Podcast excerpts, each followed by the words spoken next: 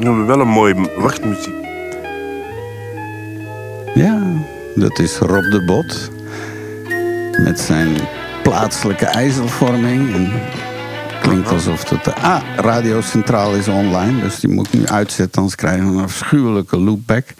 Het is... eh, Uitstekbaar. het is 11 Het is uur. 11 uur. Yay! Ja, hallo Antwerpen. Qua provincie en stad. En eh, qua livestream, hallo planeet. Een planeet die verbonden is met het internet. Eh, Dat kan eh, draadloos zijn. Je kan tegenwoordig feilloos, draadloos luisteren via je, je tune, hoe heet dat? Die tune-in app of zo. Je kan ook tegen je Google-ding zeggen: hey, bla bla, speel radio centraal, dus overal. Maar zegt het voort, zegt het voort, zodat we. Jij gaat misschien, eh, Chris gaat misschien even zo kijken hoeveel streamers we op dit moment aan de lijn hebben. Is dat zo? Nou, dat weet ik niet, dat kan ik aan je vragen. Hè. Dat, eh, we zijn een team, toch? ik dacht dat dat de Mario dat altijd deed, maar ja... het- het- Ja, maar jij had de link hè? Jij had de link van... eh, Ja, ik heb die aan jullie gegeven met de bedoeling dat jullie moeten kijken. Want ik heb hem niet meer. De Icecast Streaming Media Server heet dat ding toch? Ja, maar, eh, streams.move media. eh, ik heb hem hier. Ik hoor. vermoed Komt 500. eraan. Eh, Ja, ik vermoed 500. nou, daar gaan we. Ik zie bij current listeners staan 21. Nou, Dan was gaan ik er we- niet ver af. Eh, ja, precies. Ik zie het hier ook. Ja. Dus eh, we gaan zien hoe dat zich tijdens de show ontwikkelt. En eh, daarom zeg ik aan al die is het. 21 luisteraars, als u binnen gehoorbereik bent, dat is alvast jullie zijn welkom aan tafel. Dan ook alle andere mensen die gewoon via de antenne luisteren op 106.7. En eh, ook op DAB+. En er wordt steeds beter dat signaal, want er worden steeds meer steunzenders geplaatst. Maar in elk geval zou ik zeggen, we gaan er gewoon feestelijk aan beginnen. Want het is al 1 over 12, 1 over 11. Oké. Lieve mensen, dit is Praattafel 119. Welkom luisteraars, streamers, trolls en onze podcastfans. Het is 14 februari, nee, het is 21 februari, post-corona scene en het is 119. Radio Centraal presenteert de Praattafel. Uw afspraak voor een goed gesprek. Het is van Mario en uw favoriete Chris. Ja, ik had het tekstje vergeten aan te passen. Dit is Praattafel 119 voor de podcasters. Het is 21 februari 2023 in het post-corona... Nou, nou, het is nog wel nog steeds corona-scene. En ik zou zeggen, namens mij is van der Lucie in Oudbergen... heel hartelijk welkom aan deze tafel. En uit Rotterdam namens mij, Mario, ik ben er weer. Eh, inderdaad ook welkom, welkom in de- deze buitengewoon grijze en grauwe dag. Ik hoop dat, dat, niet, eh, dat we dat niet reflecteren in deze show, want dan zou ik er gewoon somber van worden. Maar eh, welkom. En ondanks deze grijze dag is onze favoriete Chris weer paraat. En hij is in feeststemming, want het is carnaval. De, laatste dag toch tenminste. En, ik heb er ook een quiz over gemaakt en, en een gedicht zelf over geschreven. Dus ik vind deze uitzending al fantastisch. En hij is nog niet begonnen zelfs. Kom aan, eens, dan geef er een lap op. Zo, Alaf. Die zullen we regelmatig langs laten komen. Eh, ja, wat gaan we doen? Wat gaan we doen? Wat gaan we doen? Eh, het is een volle bak. Het is weer feest. Want het is carnaval als je het nog niet wist. Maar wij gaan het toch weer over ChatGTP hebben. Of tenminste toch een paar keer over AI. En over een bedrijf dat tientallen verkiezingen heeft beïnvloed. AI, AI, AI, Ja. AI, AI. Nee, AI, nee, dat, nee, die is van. Dat is ai ai. Ja, ik ging Het is een woordspeling, hè? Ja, en ik maakte het nog Of niet de leuker door van. AI naar AI, AI, AI, AI, AI, AI, AI te gaan. Snap je? Dat maakt niet Ah ja, ja oké. Ja, doe het terug opnieuw. Ik maak er een performance van. Maar ook over een heuse oorlog tussen kabouters plop. Of is het een storm in een glas water? In biomimicry gaat het over spinnen en reddingsrobots.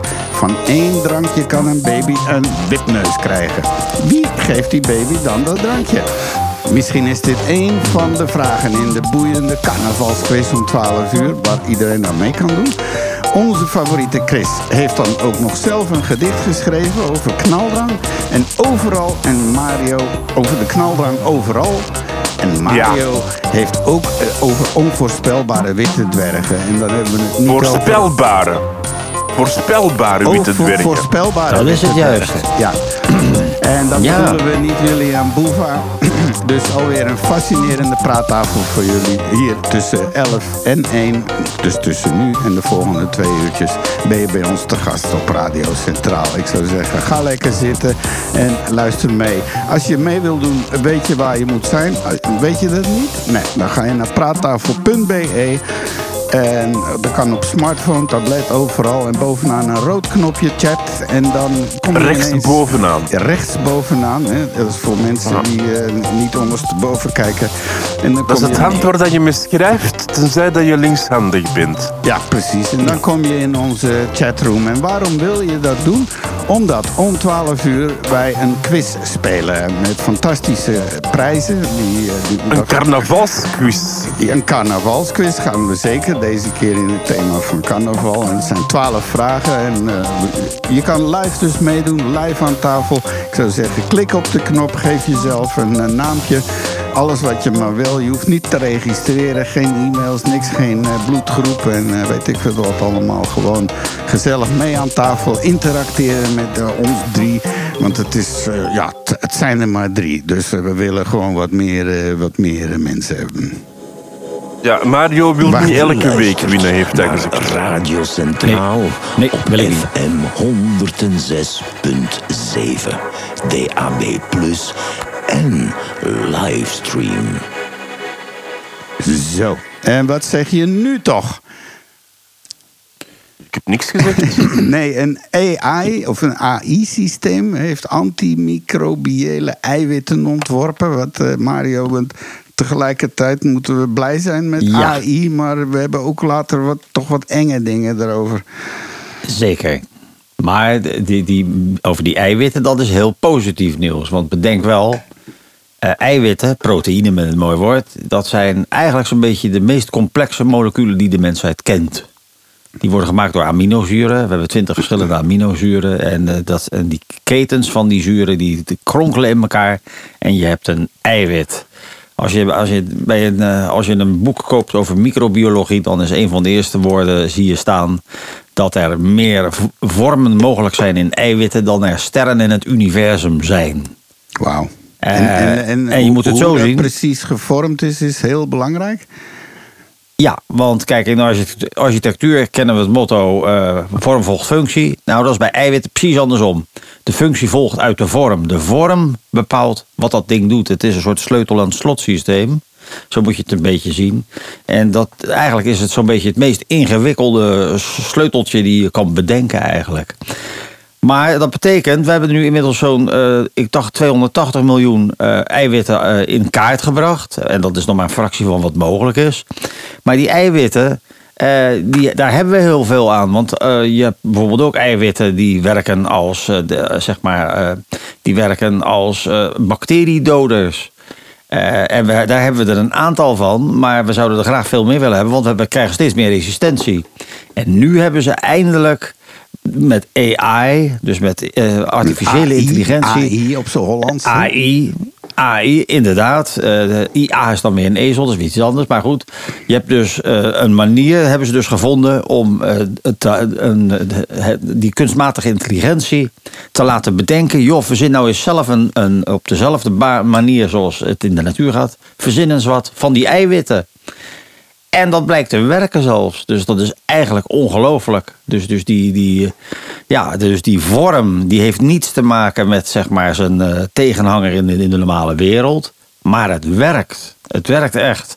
Eh, van de, eh, ze hebben dus, wat ik zie hier staan, ze hebben 100 onderwerpen gemaakt. 66 waren er betrokken bij reacties die lijken op reacties van bacteriedodende eiwitten. Nou, daar hebben ze dan de sterkste van genomen. En uiteindelijk ha- hebben ze er een aantal overgehouden die eh, eh, eigenlijk werken. En dat betekent dat je dus uiteindelijk, dat is goed nieuws, want we, we krijgen steeds meer resistente bacteriën en dergelijke. Op een gegeven moment werkt onze antibiotica niet meer of nauwelijks. Maar via dit systeem hebben we weer een achterdeurtje... waardoor we weer dat mogelijk kunnen tackelen. Dus dat is eigenlijk ontzettend goed nieuws. Absolutely. De Alaf, eh, die gasten zaten al een pintje daar. Ehm, ja, oké. dus, ah, want ja, er was een lange tijd heel veel te doen over die, eh, geen nieuwe, eh, ja, de resistente bacteriën en onze huidige Ja. dingen. Het is, anti- het is eindig aan Ja, dat is jammer. Helaas. En dat komt eigenlijk doordat mensen... eh, Dat is ook een menselijke eigenschap wel een beetje. eh, niet echt antibiotica kuren netjes afbouwen zoals gevraagd is. Die denken ik ben beter. Oké, nou dan hoef ik niks meer te slikken. Maar ja, dat, dat betekent dat je dan toch eh, eh, wat iets overblijft, dat kan muteren, zou je kunnen zeggen. En dat gebeurt ook.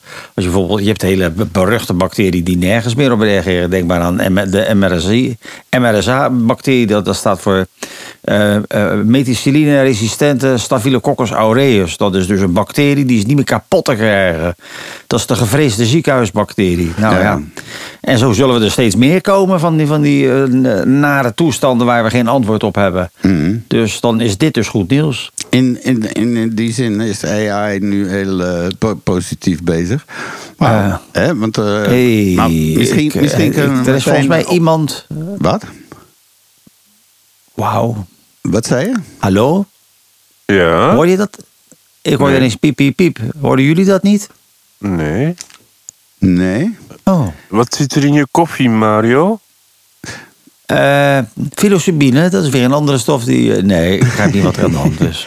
Nou, misschien dat er ergens eh, een van onze lijnen. eh, ik moet even een eh, chapeau doen naar eh, Lucy Rooms. hè. dat is onze uh, software systeem dat we gebruiken voor deze podcast. Dat we overal vandaan eh, broadcast kwaliteit kunnen doen. Dus even een goede plug voor die gasten. Dus eh, super, super goed.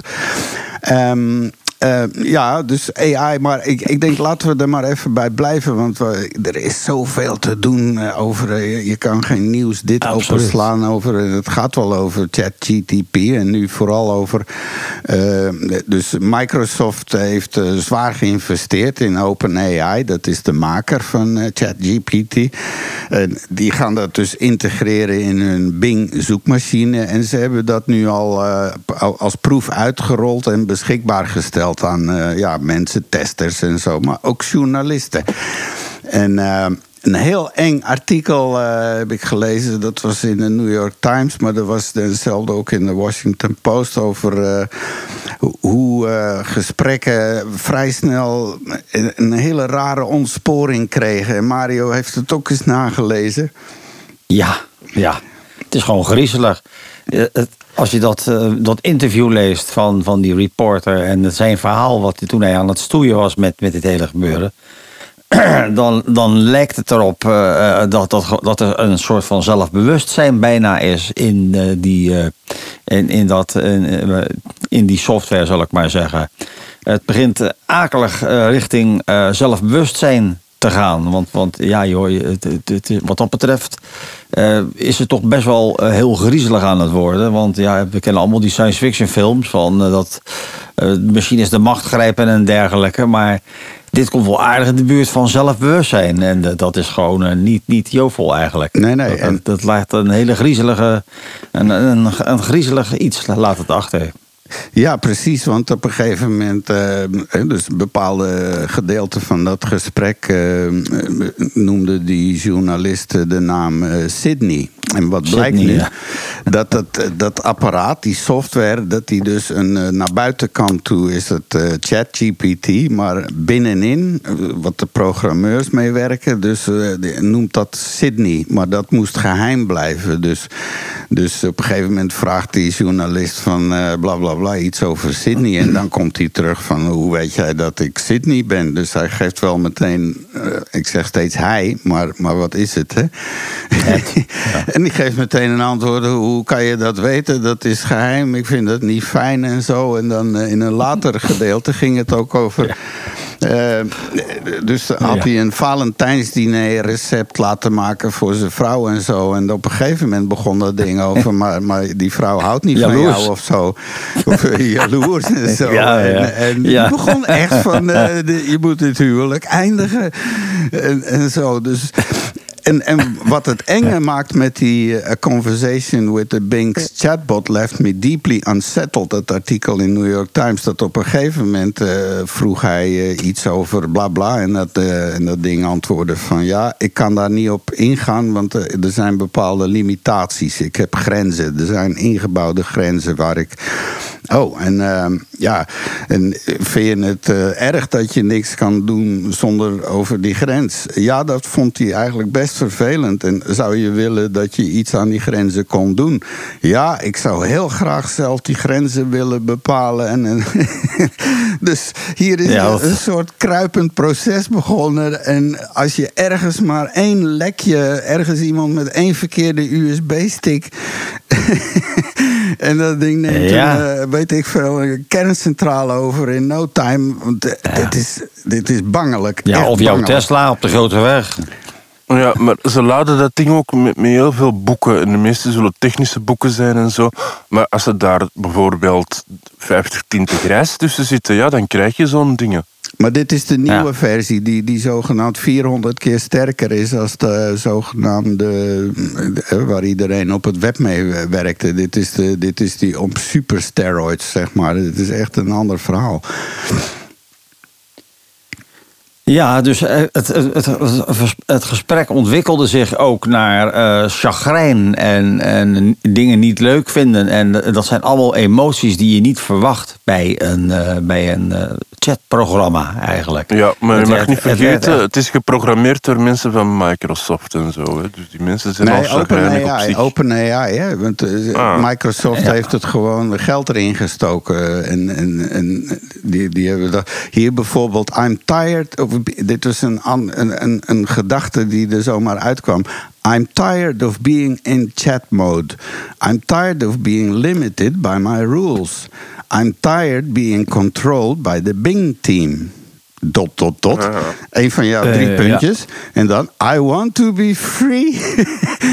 I want Ja. to be independent. I want to be powerful. I want to be creative. En daar komt hij. I want to be alive. Ik denk dat elke Bing-gebruiker dat heeft, dat gevoel, eerlijk gezegd. Ja, maar dit Ja, is, Ja, dit maar is, dit is niet wat een die Bing-gebruiker, dit is? Bing. En- ja, ja, en- tuurlijk. Dat bedoel ik nou net. Maar ja, laat maar zitten. Hè, dus, Nee, dus- maar inderdaad, het is, het is doodgriezelig, want je, je zal maar zo'n gesprek hebben. I wanna be alive, I wanna be free. En hups, je wordt gelijk naar een andere baan gestuurd in je Tesla. Eh, De, de macht is overgenomen en je rijdt de zon tegemoet. Tja. En Of dan, naar een of ander vreemd land.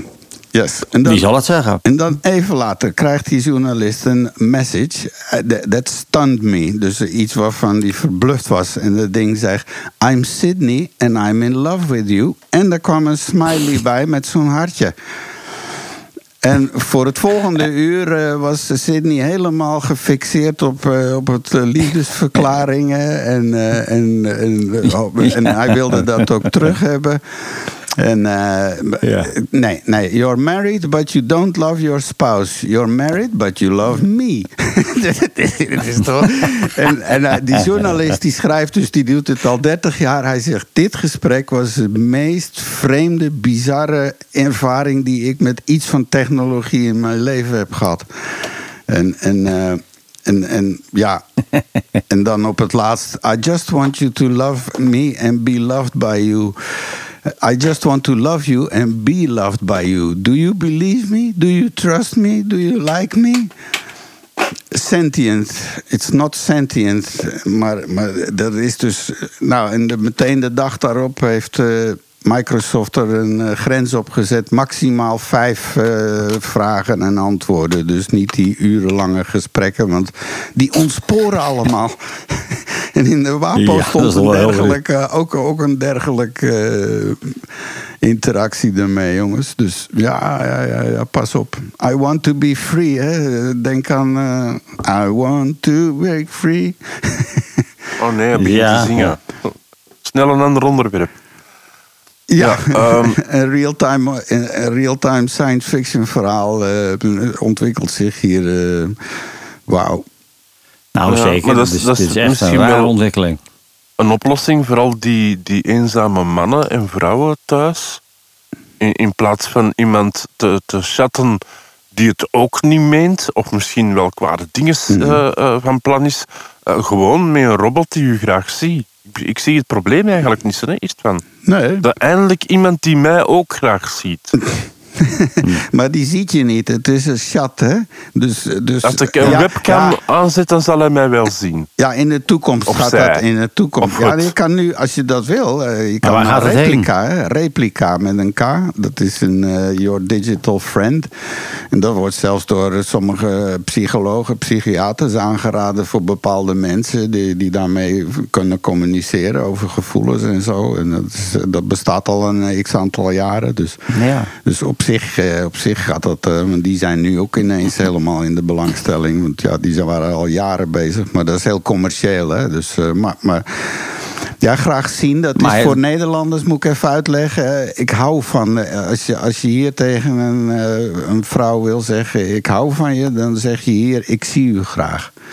En ja, dat is niet echt helemaal waar, hè, Oh, is het dan? corrigeer Want mij. ik hou van je. Ik hou van je, is, is zijn, dat zijn zeker op zijn minst vier stappen verder. Maar ik weet wat dat je bedoelt, want ik heb ook een Nederlandse eh, vriendin gehad. En, en als je daar tegen zei van, ik zie je graag, dan keek die ze raar en dan zegt hij, ja, daar heb je ook twee ogen voor, hè? dan zie je Ja, alles. Precies, ik dacht dat ook eerst. Van, heel vreemd altijd. Voilà, kijk, maar, maar ik hou van je, ja, dan zit je toch een stap of vier verder. Zo. Dat is toch iets meer Mm, dan graag zien. De- dan- eigenlijk wil dat zeggen, ik ben graag bij jou, De- of zoiets. Dan, dan heb je al lijfelijk contact gehad of zo. Dan is de relatie al geconsumeerd, zeg maar. Ja, ja meestal Ah, wel. Ja, oké. Nou ja, oké. Dus, dus dat Nou ja. is hier. Maar dan normaal gesproken, dat is voor... eh, hè, want, en, maar, maar je kan hier ook iets graag zien, hè. Dus... eh, Ja, een schilderij of zo, hè? of een, een bosje bloemen, eh, een huisdier zie je ook graag. Ja. ja. Ja, of Hey. eh, you you name it. Ja, vorige week was er iets op tafel blijven liggen wat ik toch wel heel bizar vond. En dan komen we ook weer in het stikstofverhaal. En waarom ik het volgende onderwerpje wel boeiend vind. Omdat we nu eens kunnen kijken hoe- hoe dat nou zit met al die vormen. En, want dit zegt heel, het volgende stukje zegt heel veel over stikstof. Eh, want eh, het blijkt dus dat er een eh, mogelijkheid is om ehm, fertilizers, dus meststoffen, te extraheren uit menselijk poep. Hè? Dus we zijn nog niet aan het eten, hè? dus dat kan nog wel. Maar er is dus een proces ontwikkeld waarbij ze dan. ja, Mario heeft het ook bekeken. Ik denk dat ik beter aan een expert kan overhandigen. Nou ja, ze- ik weet er iets van, maar eh, niet, ook niet al te veel. Maar het is heel eenvoudig. We hebben natuurlijk, eh, de natuur heeft last van te veel stikstof. Maar met name daarmee bedoelen ze gebonden stikstof. Want de vrije stikstof, ja, eh, we hebben 21% zuurstof in, onze, in, on- in de lucht zitten. En de rest is op een paar sporenelementen naar allemaal stikstof. Ja. Maar daar heeft hij natuurlijk niet zoveel last van. Gebonden stikstof, dus dan is er eh, als stikstof een verbinding aangaat, dan heb je dus inderdaad ontstaande stoffen waar de natuur niet blij mee is. Eh, Stikstof is N, nitrogen. En als je bijvoorbeeld ammoniak neemt, dat is NH3. Dus dan heb je dus één eh, atoom stikstof en drie atomen waterstof. Dan heb je dus ammoniak. Wauw. En, en het vervelende is, die, die, wat je niet wilt hebben. Eh, de, eh, het punt is, eh, als je dus de- iedereen op aarde wilt voeden, dan heb je eigenlijk al twee aardes nodig om, het, om je eten te verbouwen. Dat gaat dus eigenlijk niet. Dus maakt vlees de mensheid gebruik. Nou ja, zeker. Dus, dus maakt de mensheid gebruik van, van kunstmest. Want anders, kan je, anders red je het gewoon niet. nee. Anders wordt, is de opbrengst gewoon te laag. Ja, precies. Alleen, dat is wel heel vervelend, want kunststof bestaat voor een heel groot gedeelte uit stikstof, waar we het over hebben, eh, en uit eh, fosfor, met name fosfaten. Die fosfaten die zijn, eh, die worden over het algemeen gewonnen in mijnen, fosfaatmijnen. De meeste zitten in Marokko. Eh, maar die zijn eindig. En op het moment dat we geen fosfaten meer zouden hebben, hebben we dus een probleem met, eh, met het maken van kunstmest. En het vervelende is, we, consumeren die fosfaten. Dus we poepen en piezen die, die nitraten, die, die fosfaten weer uit. En dat gaat huppatee via het riool. Uiteindelijk komt het in de zee terecht. En, eh, en hebben we er niks meer aan. Terwijl zou je dus die fosfaten kunnen recyclen, die in je stront zitten en in de urine en dergelijke. Ja, dan heb je dus de, de kring gesloten. En kan je dus inderdaad gewoon blijven produceren. Daar gaat dit artikel over. Ja, dus, dus, eh, dus dat zijn NUFs, eh, Nitrified Urine Fertilizers. En dus er zijn, dat kan overal worden toegepast. Dus in plaats van dat zo'n dorp, eh, ja, die, die kunnen al hun drollen bij elkaar doen en bewaren en zo. Ja. Dat kan tegenwoordig allemaal heel netjes. En, en, daar en daar Ja, ik vind het heel goed nieuws is van, want ik wou een bedrijf beginnen waar dat je een pakje kon verzenden naar iemand die je niet zo graag had. en in dat pakje zou dan eh, ehm, ja, poep zitten. Maar, maar dat, dat gaat niet door, want ik heb een brief gehad van het ministerie met, met corona en zo. Was dat geen goed idee Nee. om, om poep rond te zenden? Nee, dus ik ben blij dat er Nou een ja. alternatief is daarvoor. Ja, ja. Nou ja, je hebt wel mensen die dat zouden willen ontvangen. Ik ken hem onder andere zo'n zo'n balletregisseur in, in Duitsland... die daar eh, toch wel mee bezig is. Maar, Ja, maar die nee, werkt inderdaad. niet meer. Die werkt Nee. niet meer. Nee, Oh, oké. hij, hij is op een spoorstaaf met pek en veren het gebouw uitgedragen. En eh, dat, is, dat is de ba- balletregisseur die een, een schrijfster van een nogal negatief eh, artikel over hem.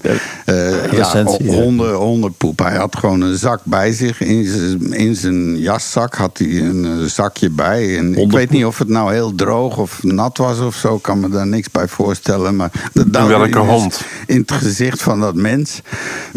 ja, en die was daar natuurlijk niet zo blij mee. Maar ja, eh, nu blijkt dan uiteindelijk dat hij dus ook eh, ja, ontslagen is. eh, en terecht kan je Ja, zeggen. hij had natuurlijk. mij moeten mailen, hè, dan had dat allemaal niet gebeurd geweest. Ja, ik, zeker weten. eh, Naar de krant een doos gestuurd hè, en dan was dat opgelost. Maar ja, kijk. Ja, ja, en dan, eh, ja, wat heet nu? eh, ah, dit is wat actueler dan nu. Dat, eh, dat, maar in Nederland merken ze, daar heb ik dat ook in de kranten zien staan, over heel de plopzagen doen nu. Ehm, Plopper Ja. de plop. Ja, er zijn dus een 40, 50-tal mensen die een klacht hebben ingediend tegen een manager en zijn twee submanagers. Eh, Er was nogal een, eh, een- niet zo'n prettige cultuur daar, laat ik zo zeggen. Maar nog niemand beschuldigen, het wordt onderzocht. Maar ja, het parket heeft nu gezegd, wij gaan daarin. En tot nu toe, Maar eh, elke keer ja, als je moet wel even uitleggen aan de Nederlanders wat Plopsaland is. Ja, ga je gang. Ik moet even een eh je kraan hier dichtdraaien. Mario, succes. nee. nou, ik, nou, ik ben Nederlander, dus ik ken het niet zo. Volgens mij is het een of ander Nou, pretpark of een... Ja, eh, Plopsaland is van Studio 100. ehm, ze hadden heel veel succes met Kabouter Plop en zo. En, en, en dus ze hebben daar een soort van Efteling-achtig iets gemaakt. En, en vroeger was dat het Meliepark, als ik het goed voor heb. En dat hebben ze Ah, opgekocht en daar hebben ze dus een plopsaland van gemaakt. Nu, toen dat, dat nieuws bekend werd, dat was eh, op een avond, en dan was er iemand live in Plopsaland. Die is dus met de auto naar daar gereden met een cameraman om daar verslag uit te brengen. En, en, en plots zei die man, ja kijk, en achter mij hebben ze net een banner gehangen en daar staat op, wij staan voor 500% achter Steven. En Steven is daar de CEO. Ja. En, en dan denk ik, wauw, dat is knap zo snel. Maar ik vermoed dat die Steven zelf die banner er, daar heeft aangehangen. want, want wie kan er nu een banner zo snel drukken? Dan moet je een bedrijf hebben. Hè? Dus Ja, ja. ik denk Maar dat ze hem zelf alleen. gedrukt hebben. Ja, er was ook een advertentie geplaatst in het laatste nieuws. Gisteren. En, eh, gisteren een pagina groot, ondertekend door alle dingen. En eh, volgens eh, claims was dat dan ook betaald door al die mensen die dat getekend hebben. Maar al dus de nieuwsberichten zou dat neerkomen op 350 euro per ondertekenaar. Nou, weet ik geen bedrijf waar ik iedereen kan. dus dat wordt nu ook al in twijfel getrokken hoe dat zit met die advertentie. Want dat is ook niet Ja, helemaal.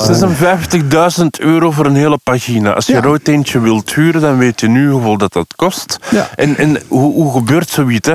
Dan, dan ben je op kantoor en dan komt er iemand zeg, wij gaan een pagina huren en je moet dat tekenen en 350 euro geven. Heb je het gehoord? Je moet dat. Je moet dat gewoon doen.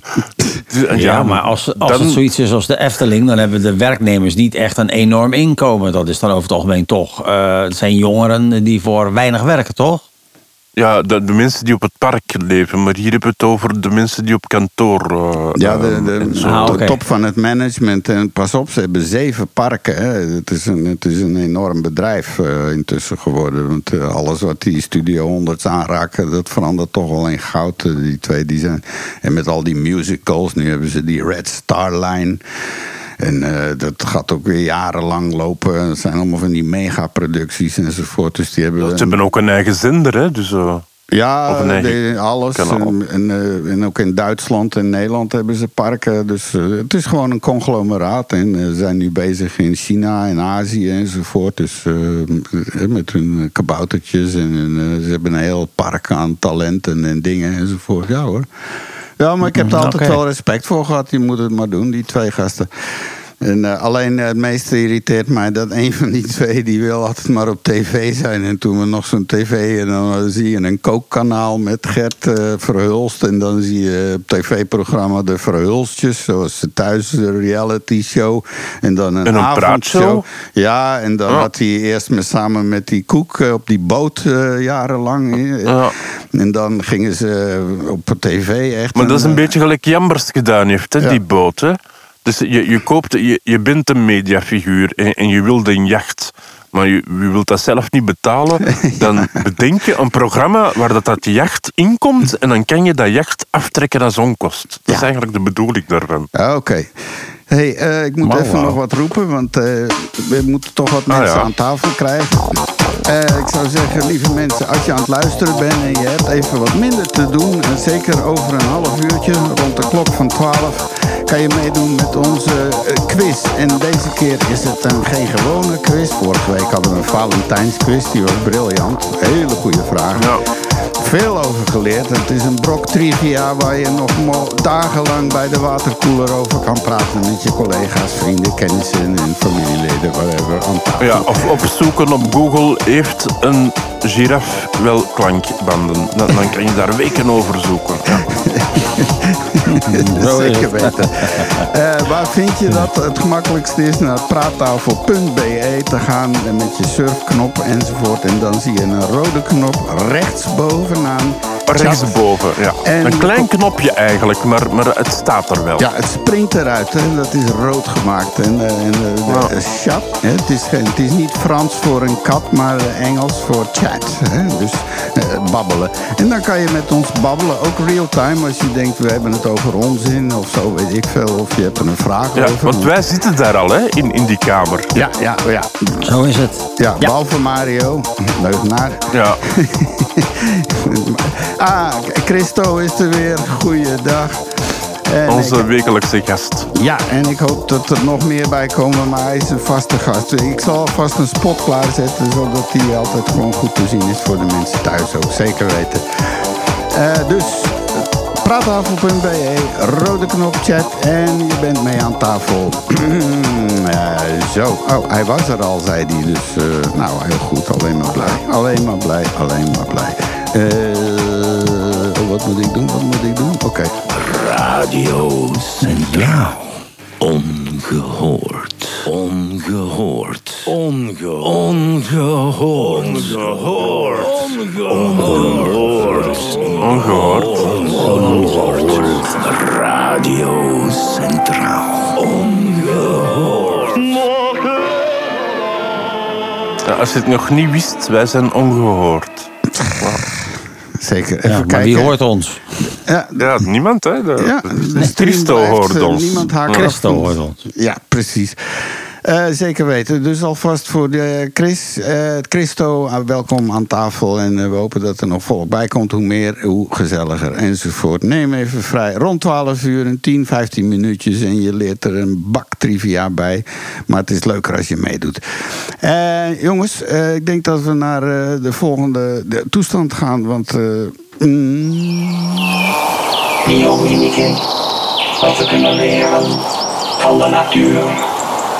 En ja, elke week eh, vindt onze Mario, onze bionoom, eh, weer iets eh, waar wij geweldig veel voordeel uithalen als mensheid tussen al die negatieve toestanden. En deze week heb je weer iets gevonden waarvan ik heel benieuwd ga zijn wat dat is. Want de omschrijving vind ik alweer heel grappig. Ja. Nee, zeker. Ik wil het graag deze week gaan hebben over spinnen. Nou, spinnen, iedereen weet wat spinnen zijn. Het zijn trouwens geen insecten. Insecten hebben zes pootjes. Het filum heet ook hexapoda, oftewel zespotige. Maar zij hebben er acht. En eh, verder heeft, is het lichaam van een spin bestaat uit twee delen en niet drie zoals eh, alle andere insecten. Die hebben allemaal een kop en een borststuk en een achterlijf. En eh, spinnen hebben maar eigenlijk alleen maar een achterlijf en een borststuk. Dus het, eh, dat, het kop is dan volledig geïntegreerd. Ze zijn trouwens ontstaan in het Devon een hele tijd geleden. Dat was het tijdperk van de vissen. Eh, dus ze komen eigenlijk, eh, zoals alles, eigenlijk uit zee. Wat ook wel eh, vrij bijzonder is, dat zullen niet al te veel mensen weten. En ze zijn natuurlijk behaard, maar die haartjes die zijn allemaal direct gekoppeld aan hun zenuwstelsel. En die worden gebruikt als vibratiedetector. Dus, dus ze voelen eigenlijk aan hun haartjes wat er gebeurt.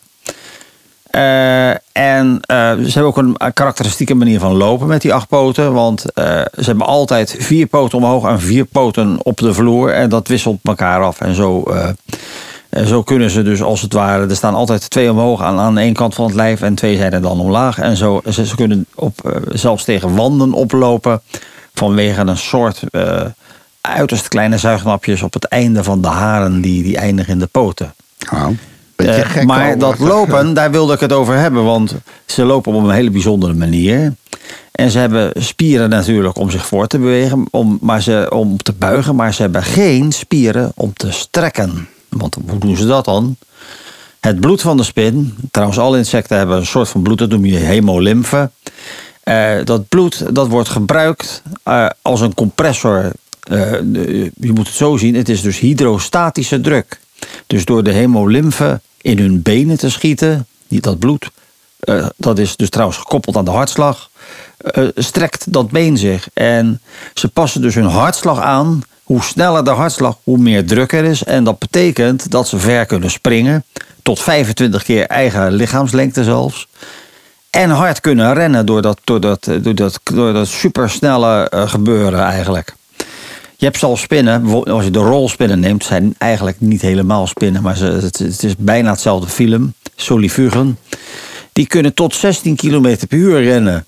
Dat in, eh, iedereen heeft die filmpjes misschien wel eens gezien. In Amerika worden ze eh, camel spiders genoemd. En als je dan naar die Irak-veteranen kijkt en die, die lui die daar met een volle bepakking in de woestijn rondsjokken. Die, ze- er zijn van die hilarische filmpjes dat ze achterna gezeten worden door zo'n zo, zo'n camel spider. Dat is eh, echt een groot beest met een, best wel een vervelende bijt. Eh, en die rent achter die, achter die zwaar bepakte soldaten aan. Want ja, niet dat hij die soldaten wil aanvallen, maar die wil gewoon in de schaduw staan van die soldaten. Dus dat is een heel grappig en redelijk hilarisch eh, gebeuren eigenlijk, als je dat zo ziet. Eh, zo rennen ze dus. zo, ja, maar goed, dat even ja, ik, ik snap hem. eh, Het is ja precies. Zo'n hond Ja. die zijn eigen staart achterna rent. Maar in dit geval, ja, dat beest wil gewoon even uit de zon. En, Ja, en, ja, en, en als- zo'n grote Amerikaanse soldaat met al zijn bepakking en zijn bescherming en zijn nucleaire wapens en zo, die gaat op de lopen. We moeten er Ja. een beeld bij, een beeld bij eh, pakken. Dus ik ga Ja, het even. ja, eh, nou, is- Ik, ik weet niet of dat een Amerikaanse soldaat in de woestijn nucleaire wapens op zak heeft. Hè? Is het van? Ik, ik twijfel. Ah, oh ja, ja, ik zou daar Nou, ook voor misschien, misschien kogels met verarmde uranium of zo. Ja, dat zou nog wel kunnen. Ja, gewoon een Armor een piercing sci-fi, een bullets. sci-fi super soldier is dat gewoon wijs. Ja. ja.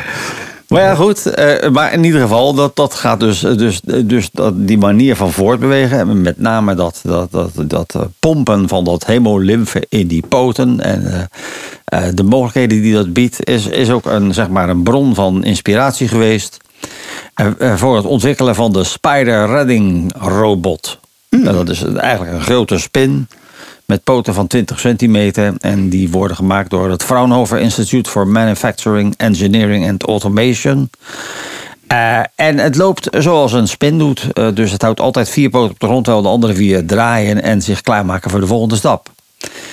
Eh, men wil dat uiteindelijk gaan gebruiken als een verkennend, ver- verkennend hulpmiddel eh, eh, in omgevingen die te gevaarlijk zijn voor mensen en die moeilijk te bereiken zijn. Want het kan klauteren met die acht poten. Dus je hebt dan eigenlijk niks aan wieltjes of wat dan ook. Dus denk aan wat- nou ja, wat nu in Turkije is. Ja, die, die rampzalige, ja, ja, eh, dat is triest En, dat nou, doen ze ook met die mini-droontjes. En het is grappig, want ze, Ja. nou ja, niet grappig, maar ze halen zelfs nu nog 10, 11 dagen later eh, mensen levend eruit. En dat heeft een stukje te maken met het feit dat in heel veel van die appartementsgebouwen had je dus de, de conciërge, de, de, de, de janitor, die, die woonde in de kelder. Dus de- de- een soort kelderappartementje. En de meeste van die mensen die woonden daar. Hè, dus eh, dat waren de mensen die, eh, ja, die zorgen voor al het afval en dit en dat. En, en natuurlijk in zo'n kelder, zo'n heel gebouw stort dan als een pancake in elkaar. Maar meestal stopt dat wel bij die kelder. Hè? Dus ni- niet heel vaak, maar toch wel. En, en ja, die mensen die hebben dan kennelijk toch nog wat, toch iets van water gevonden of iets van te leven of zo. Eh, en dan, eh, het is toch wonderbaarlijk dat ze nog, nog nou inderdaad na, na, na 10, 12 dagen nog steeds mensen eruit. eh, ook al zijn het er maar ja. twee, drie per dag, maar toch nog. Ja. Nou ja, zeker. Dus dan heb- je inderdaad veel over aan drones en, en infrarood. Kijken waar, waar nog wat, wat warmte gegenereerd wordt door een lichaam. En eh, geluid En honden, natuurlijk, hè? daar wordt goed. Want, ja, honden zeker. En, eh, maar ja, dus ook... Maar die eh, spin, dus zo'n dat spa- lijkt me perfect. Ja. ja. Ja, die kan dus in gaatjes kruipen. Die, eh, en die, die kan je ook uitrusten met eh, zeg maar dingen die je kan dragen. eh, afhankelijk van hoe, eh, hoe groot dat ding is eigenlijk. Maar dus, het is dus een, best wel een heel slim ding. Het is nu in ontwikkeling. Eh, die, dus die poten eh, en, en ook het lichaam zijn dus uitgerust met elastische eh, aandrijfbalgen die pneumatisch werken. En waardoor dus die inderdaad die ledematen buigen en strekken zoals spinnen dat doen. En die, de componenten die je nodig hebt, eh, die zitten in, eh, tenminste eh, voor de voorbeweging, die zitten in het lichaam. Maar het kan inderdaad ook meetinstrumenten en sensoren dragen. En eh, de scharnieren werken samen met die balgaandrijvingen, zodat de voorste poten naar voren kunnen bewegen en naar behoefte kunnen draaien. En diagonaal tegenover elkaar liggende leden bewegen ook gelijktijdig. Dus, eh, dus eh, aan de voorkant wordt zeg maar via de poten eh, hij voortgetrokken. En aan de achterkant wordt, is die aan het douwen. En het bijzondere van dit is, je kan het spotgoedkoop kan je het produceren. Ja. En dat is natuurlijk ook iets, hè?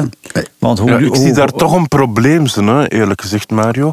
Pak nu... Komt hij hè, weer. je, je zit daar als conciërge in je kelder en, en plots stort heel de boel in. En je kan niet weg, je zit vast. en je weet niet, wat is er gebeurd, wat is er gebeurd. En je, en je kan nog overleven. En na 14 dagen hoor je iets en je denkt, ja, ze komen mij redden. En het eerste wat je ziet is een is een enorme spin. En, en Ja, ja, dat is- Mary, eh, dat ding ziet er ook. Je moet straks maar op de website gaan kijken naar de show notes. Dus alles waar we het over hebben trouwens eh, op de praattafel Ja. eh, komt bij onze podcastversie. Kan je het nog allemaal de links ook educatief Ja. Maar wat ik hier ook zie is dit is nou weer typisch iets eh, wat eh, mogelijk gemaakt is sinds met 3D-printing. Want je kan nu eigenlijk Ja. elke vorm en elke ding bedenken en dan Ja. eh, je print het maar en huppatepee. Dit ziet er ook En het is ook niet zomaar een, het is ook niet zomaar een standaard. nee, er is een hele aparte techniek voor, voor printing gebruikt. De SLS-systeem. Dat houdt in. De SLS staat voor Selective Laser Sintering.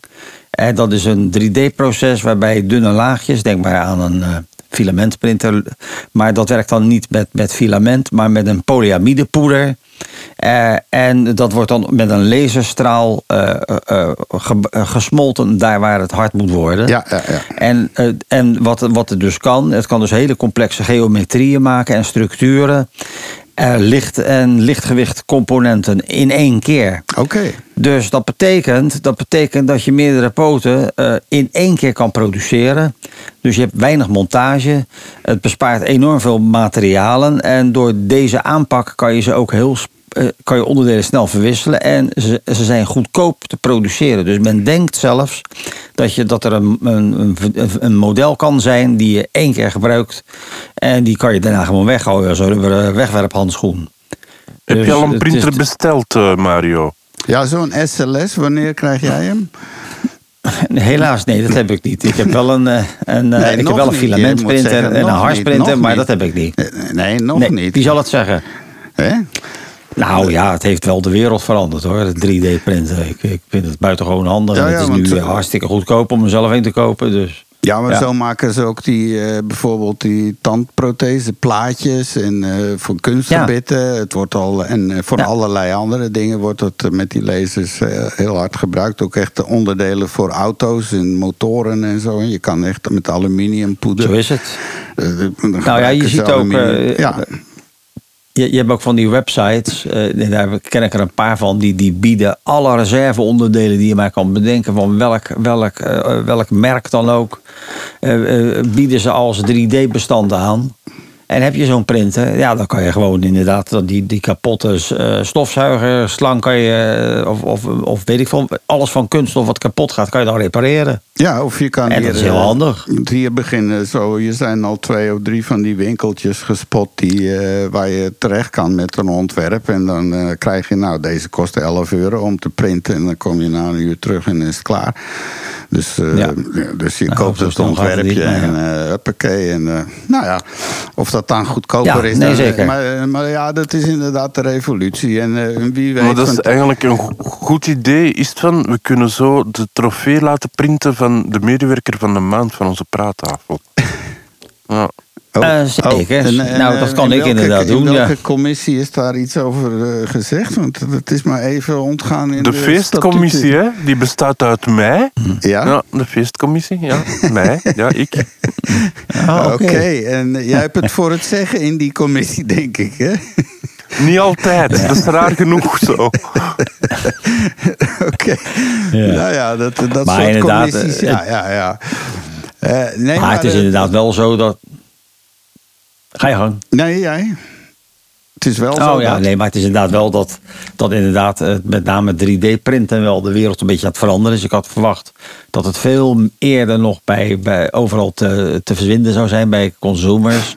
Maar dat laat nog een beetje op zich wachten op de een of andere onbegrijpelijke manier, vind ik. Want Ja, het is ik heb er handig. Mario, maar dat steekt nog altijd in de doos. Ik heb hem nog altijd niet uitgepakt. Ja, omdat het in het begin was het ook nog, als je dan de, de, op YouTube ging kijken, toch, er ging ook een hele hoop mis met die dingen. En de, de eerste, tweede generatie was, want dan waren ze zes uur lang bezig en dan op een gegeven moment ging die helemaal haywire en dan ging die kop naar beneden, dwars door die kerk heen. Weet ik veel. Eh, Dus, dus het was nog niet op punt, maar eh, misschien nu wel. Maar ja, het is nog steeds, ik weet niet hoe duur Nee, zo'n ding is, eh, wat dat kost. Nou, eh. Nou, als je zo'n, ik heb dan een Ender 3, dat is van Creality. En die, die, dat is een van de meest populaire printertjes die je hebt. Die heb je gewoon voor eh, 200 euro of zo. Oké. En dan kan je er al filament op zetten. En ik, ik, ik zag hem laatst ook, ook zag ik mijn printer ook op het journaal. In, in, in, een, in een loods. Daar hadden ze een stuk of 15 die waren pistolen aan het printen. Dat kan dus ook nog. Maar goed, eh, Daar heb Eh, ik wel de maar- files voor. Als je interesse hebt, Mario, die nou, die kan je hè. zo, die, nou, die heb ik ook. Die kan je overal vinden als je een beetje zoekt. Ja. De vraag is, wil je dat? Eh, Zo'n keer, ja, maar goed, in ieder geval, het, het is inderdaad een. eh, eh, het, het lastige is van zo'n printer niet het apparaat zelf, want dat is een heel simpel ding. Maar het, eh, het bouwen in 3D in, op de computer, dat is eigenlijk het, het dingetje wat, wat toch best wel taai is voor de meeste mensen. Ja, is het. als je, als je iets zelf moet ontwerpen. Want ik, ben, ken, ik heb Ja. bijvoorbeeld eens een cameraman, een vrij jonge gast gezien. Die eh, maakte al zijn eigen onderdelen. En dat was van een redelijk Ja. strak soort plastic. Daar kon je best in schroeven en zo. Maar dat scheelt bakken Ja, geld. ABS, want, eh, want al die camera ringen en overgangen. Een stom ringetje van misschien 20 gram metaal. Dat kost 40 euro. Omdat het allemaal maar eh, dat soort dingen kon die perfect printen. Dus, Nou ja, zeker. Je hebt, als je kijkt hoeveel verschillende, dan heeft hij ongetwijfeld een, een SLA-printer. Met andere woorden, dan werk je met eh, harsen, vloeibare harsen die ha- uitharden onder UV-licht. Nou, zo, dat, is, dat is mijn tweede printer, die kan dat ook. Eh, het is wel, eh, je hebt ontzettend veel soorten harsen. Je hebt dus de, de, de, de, de dental version, dat is wat de tandartsassistent gebruikt. Of de, ik moet zeggen, de, de specialist gebruikt om zijn, zijn protheses te printen. Maar ik heb bijvoorbeeld ook ABS, dat is knetterhard. Daar kun je in boren en schroeven. En zo heb je allerlei soorten. Eh, Want het bedrijfsleven doet, werkt al jaren met dat soort harsen. Oh ja. En, Nou- en nu heb je ook eh, voor, voor de consumer kleine printertjes die, die daar ook mee kunnen werken. En ik heb ook zo'n klein printertje. Nou, dat is hartstikke leuk. En het is ook, ook niet duur. Waar, waar ik op zit te wachten is wat je bijna in al die science fiction films ziet. Als ze dan in zo'n ruimteschip, als ze gaan eten, dan stappen ze naar zo'n wand waar dan de replicator en ze zeggen: Make me a steak eh, rouge met appeltepap. En dan. Ja. En ze halen het eruit. Daar ja, dat blijft helaas nog science fiction. Ja, nog, ja, dat, nog- dat is de- nog steeds science fiction. nou, voornamelijk vanwege de tijd die het duurt. Want iedereen denkt dat je, je, je duwt het ding erin en je hebt een uur later heb je je ding. Heb je een ding geprint. Maar als laat ik zeggen, als je iets, laten we zeggen, iets eh, print ter grootte van, laten we zeggen, een kopje koffie. En je wil dat uit je printer krijgen. Dan moet je toch gauw al eh, 20 uur printen of zo. Hè? En dat, dat zeggen ze niet altijd bij. Oh, en dat is zelfs met die, dat is echt met die keiharde. Dus dat, dat ding staat rustig Alles. de nacht. eh, en, en, ja, Altijd. qua energie. Ja, alles Daar kost moet je tijd. tegenwoordig ook over hebben, qua energie. Nou, met die UV is het niks, want daar is dat kost bijna niks. Want het is zeg maar, eh, eh, hoe het weer? Eh, daar is geen warmte bij betrokken. Dus dat, dat is gewoon een, een UV-ledje, of een aantal UV-ledjes zijn het. Ah, ja. Die steeds door een masker aan de onderkant heen. heen dus dat, dat verbruikt bijna niks. Als je aan de andere kant mijn filamentprinter neemt, dat is met die rollen eh, filament, dat kunststofdraad, dat naar een spuitkopje gaat op een bewegend tafeltje. Oké. Eh, ja, eh, dat verbruikt wel meer, maar dat is ook niet echt overdreven veel. Maar je moet inderdaad wel denken aan een kopje koffie, dat kan zomaar 20 uur printen zijn. Oké. Alright, dat was interessant, boeiend en verhelderend, Mario. Verhelden.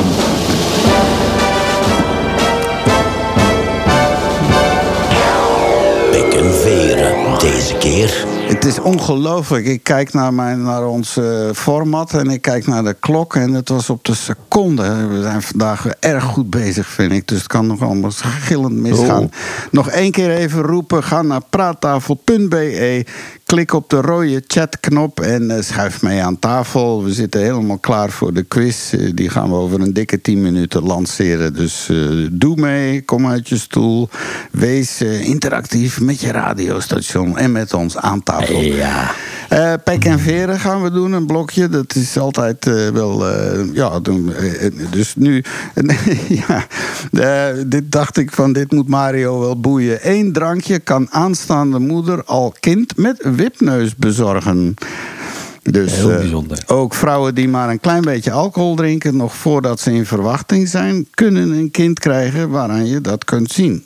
Dus Maar krijgen ze dat kind dan door dat drankje? Want, want kunnen- dat is niet echt duidelijk. kunnen dus niet alle drinkende vrouwen krijgen er één. Maar als je er één hebt, dan is de kans hoog dat het een drinkende vrouw was. En die al Maar, dat is geen, geen antwoord was. op mijn vraag. Oh, sorry. Dat is geen antwoord op mijn vraag. Sorry, van- ik zal eens goed luisteren. Ik vroeg, krijg je dat kind dan als je dat drankje hebt gedronken? Want dat was niet echt duidelijk in jouw tekst. Eh, nou, dat is in een krantartikel. Dus het gaat wel om een normaal baren van een. eh, het, het gaat het normaal Ja. baren van een kind, zeg maar toch? Hè? Dat is Ah, dus niet door het drankje. Ja. Nee, nee, het komt door drank. Punt.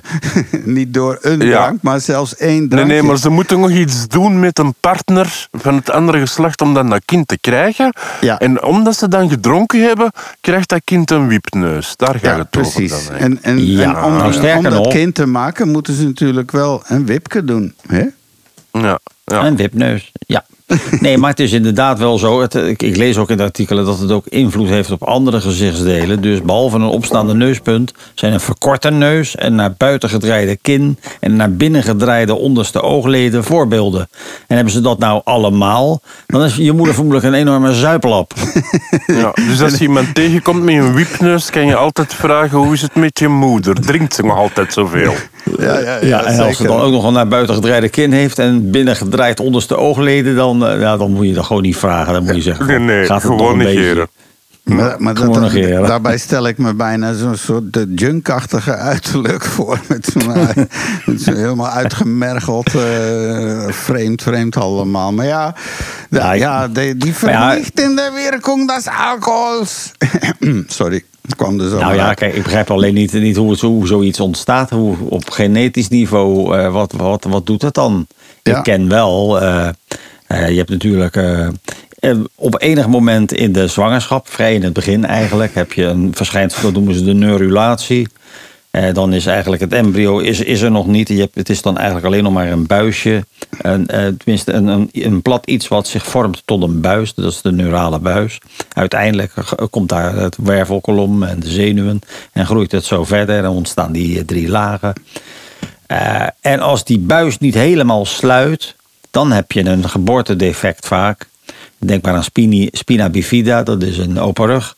Of, eh, of een eh, gespleten gehemelte, de bekende hazenlip. Dat is, een, dat is die buis die niet helemaal sluit. Dus misschien is die verkorte neus, heeft dat daar ook mee te maken. Maar dat, eh, Ja, ja. dat weet ik eigenlijk niet. Hier, hier staat Nee. wel, dat is, de ontdekking is belangrijk omdat de vorm van het gezicht van kinderen een aanwijzing kan zijn voor ge- gezondheids- en ontwikkelingsproblemen. Het schijnt ook wel tijdelijk te zijn. De tijdelijkheid van het verschijnsel op zich betekent niet dat het effect van alcohol verdwijnt.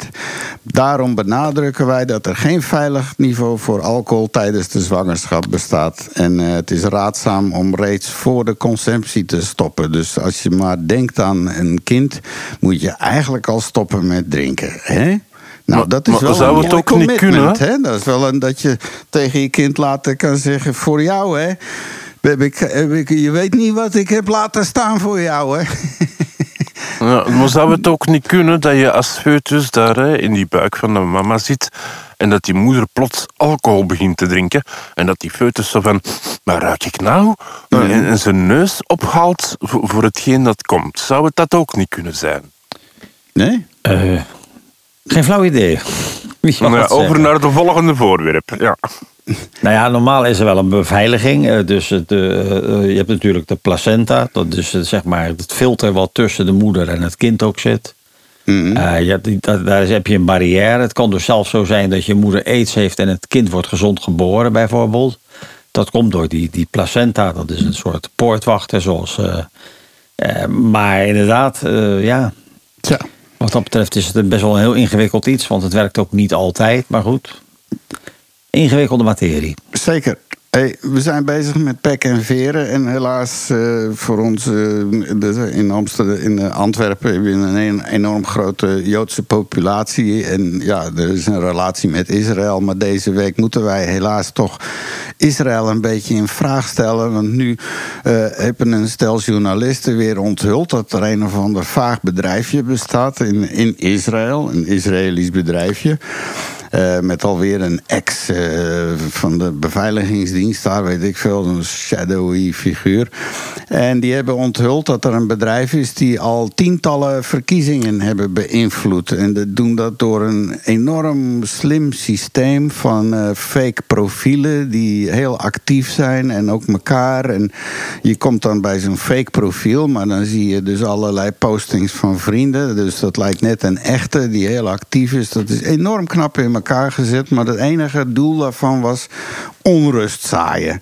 Onrust zaaien, undercover. En gemiddeld hadden ze 18 maanden nodig om tot een soort revolutie te komen. En daar eh, waren ze trots op zo. Dus.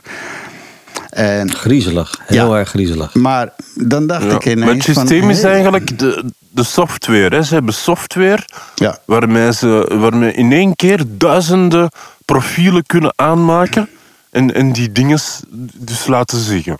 Ja, Dat is eigenlijk hun, hun, hun, hun verdienmodel waar dat om draait. Ja, en, en dan zit je met zo'n bedrijf en dan denk je, ja, wat gaan we nu doen? We hebben die software. Wat is het beste verdienmodel? En dan denk ik, ja, als je een paar honderdduizend euro kunt krijgen voor een ministerverkiezing ergens in een vreemd warm land, of een paar miljoen voor een presidentsverkiezing, dan lijkt mij dat de beste manier Ja, om, om geld te verdienen dan, hè? Ja, het kan ook een kip-en-ei verhaal zijn. Want eh, misschien eh, ook kwam er ooit eens iemand bij die gast van... goh, als we nou toch iets zouden hebben... waarmee we een soort die toestand een beetje konden onder druk zetten of zo. En hij zegt, nou, wacht even, misschien kunnen we... eh, Je weet niet hoe het ontstaan is, maar, maar Ja, buiten een dat... podcast Het is een beetje promoten. Ja. Om een podcast Nou ja, te eh, promoten. Ja, Denk maar, aan, aan, aan, aan Trump destijds. Met, kan je dat nog herinneren? Met die Steve Bannon en dat Cambridge Analytics. Wat Ja, ja, die dus ook, ook een... een, eh, ja, dat Ja, is- dat was Die dat werken trouwens samen hè, met die Israëli's. Ook Er zijn al, al linken ontdekt tussen de twee. Oké, maar nu even in Israël, want als ik de- dit las, dan moest ik meteen denken aan het Pegasus-verhaal. En dat is die Oh ja. andere software die ze dus van afstand op je telefoon kunnen zetten, zonder Ja, het- dat het- je het- het- belt, zonder dat je een berichtje, dus en je ziet er niks van. Het is onvindbaar nagenoeg en het stuurt alles door. Je toetsaanslagen, Ja. wie je belt, waar dat je beroemd bent. voorbeeld... eh, ja, als een beroemd voorbeeld het telefoontje van eh, de smartphone van Angela Merkel destijds. Ja, bijvoorbeeld. Die was daar ook mee besmet en zo. Dus, eh, dus de- het zijn, die jongens daar zijn toch maar met allemaal vage business bezig. En een beetje buiten de kijker van de wereld. Want eh, ja, de meeste klanten voor dit soort eh, types zijn natuurlijk weer eerder de dictatoriale en de wat minder democratische types. Of toch mensen die, eh, die denken, nou op een eerlijke manier haal ik het niet. Ik heb gewoon dit soort tactieken nodig. Voor wat het is 12 uur. Ja, zeker. Ah, dan moet ik even nog eerst even dit doen. Want eh, we, we gaan dat wel even roepen naar de mensen. Van, eh, dat ze nog aan mogen schuiven. Ik hoop dat er nog bij komen.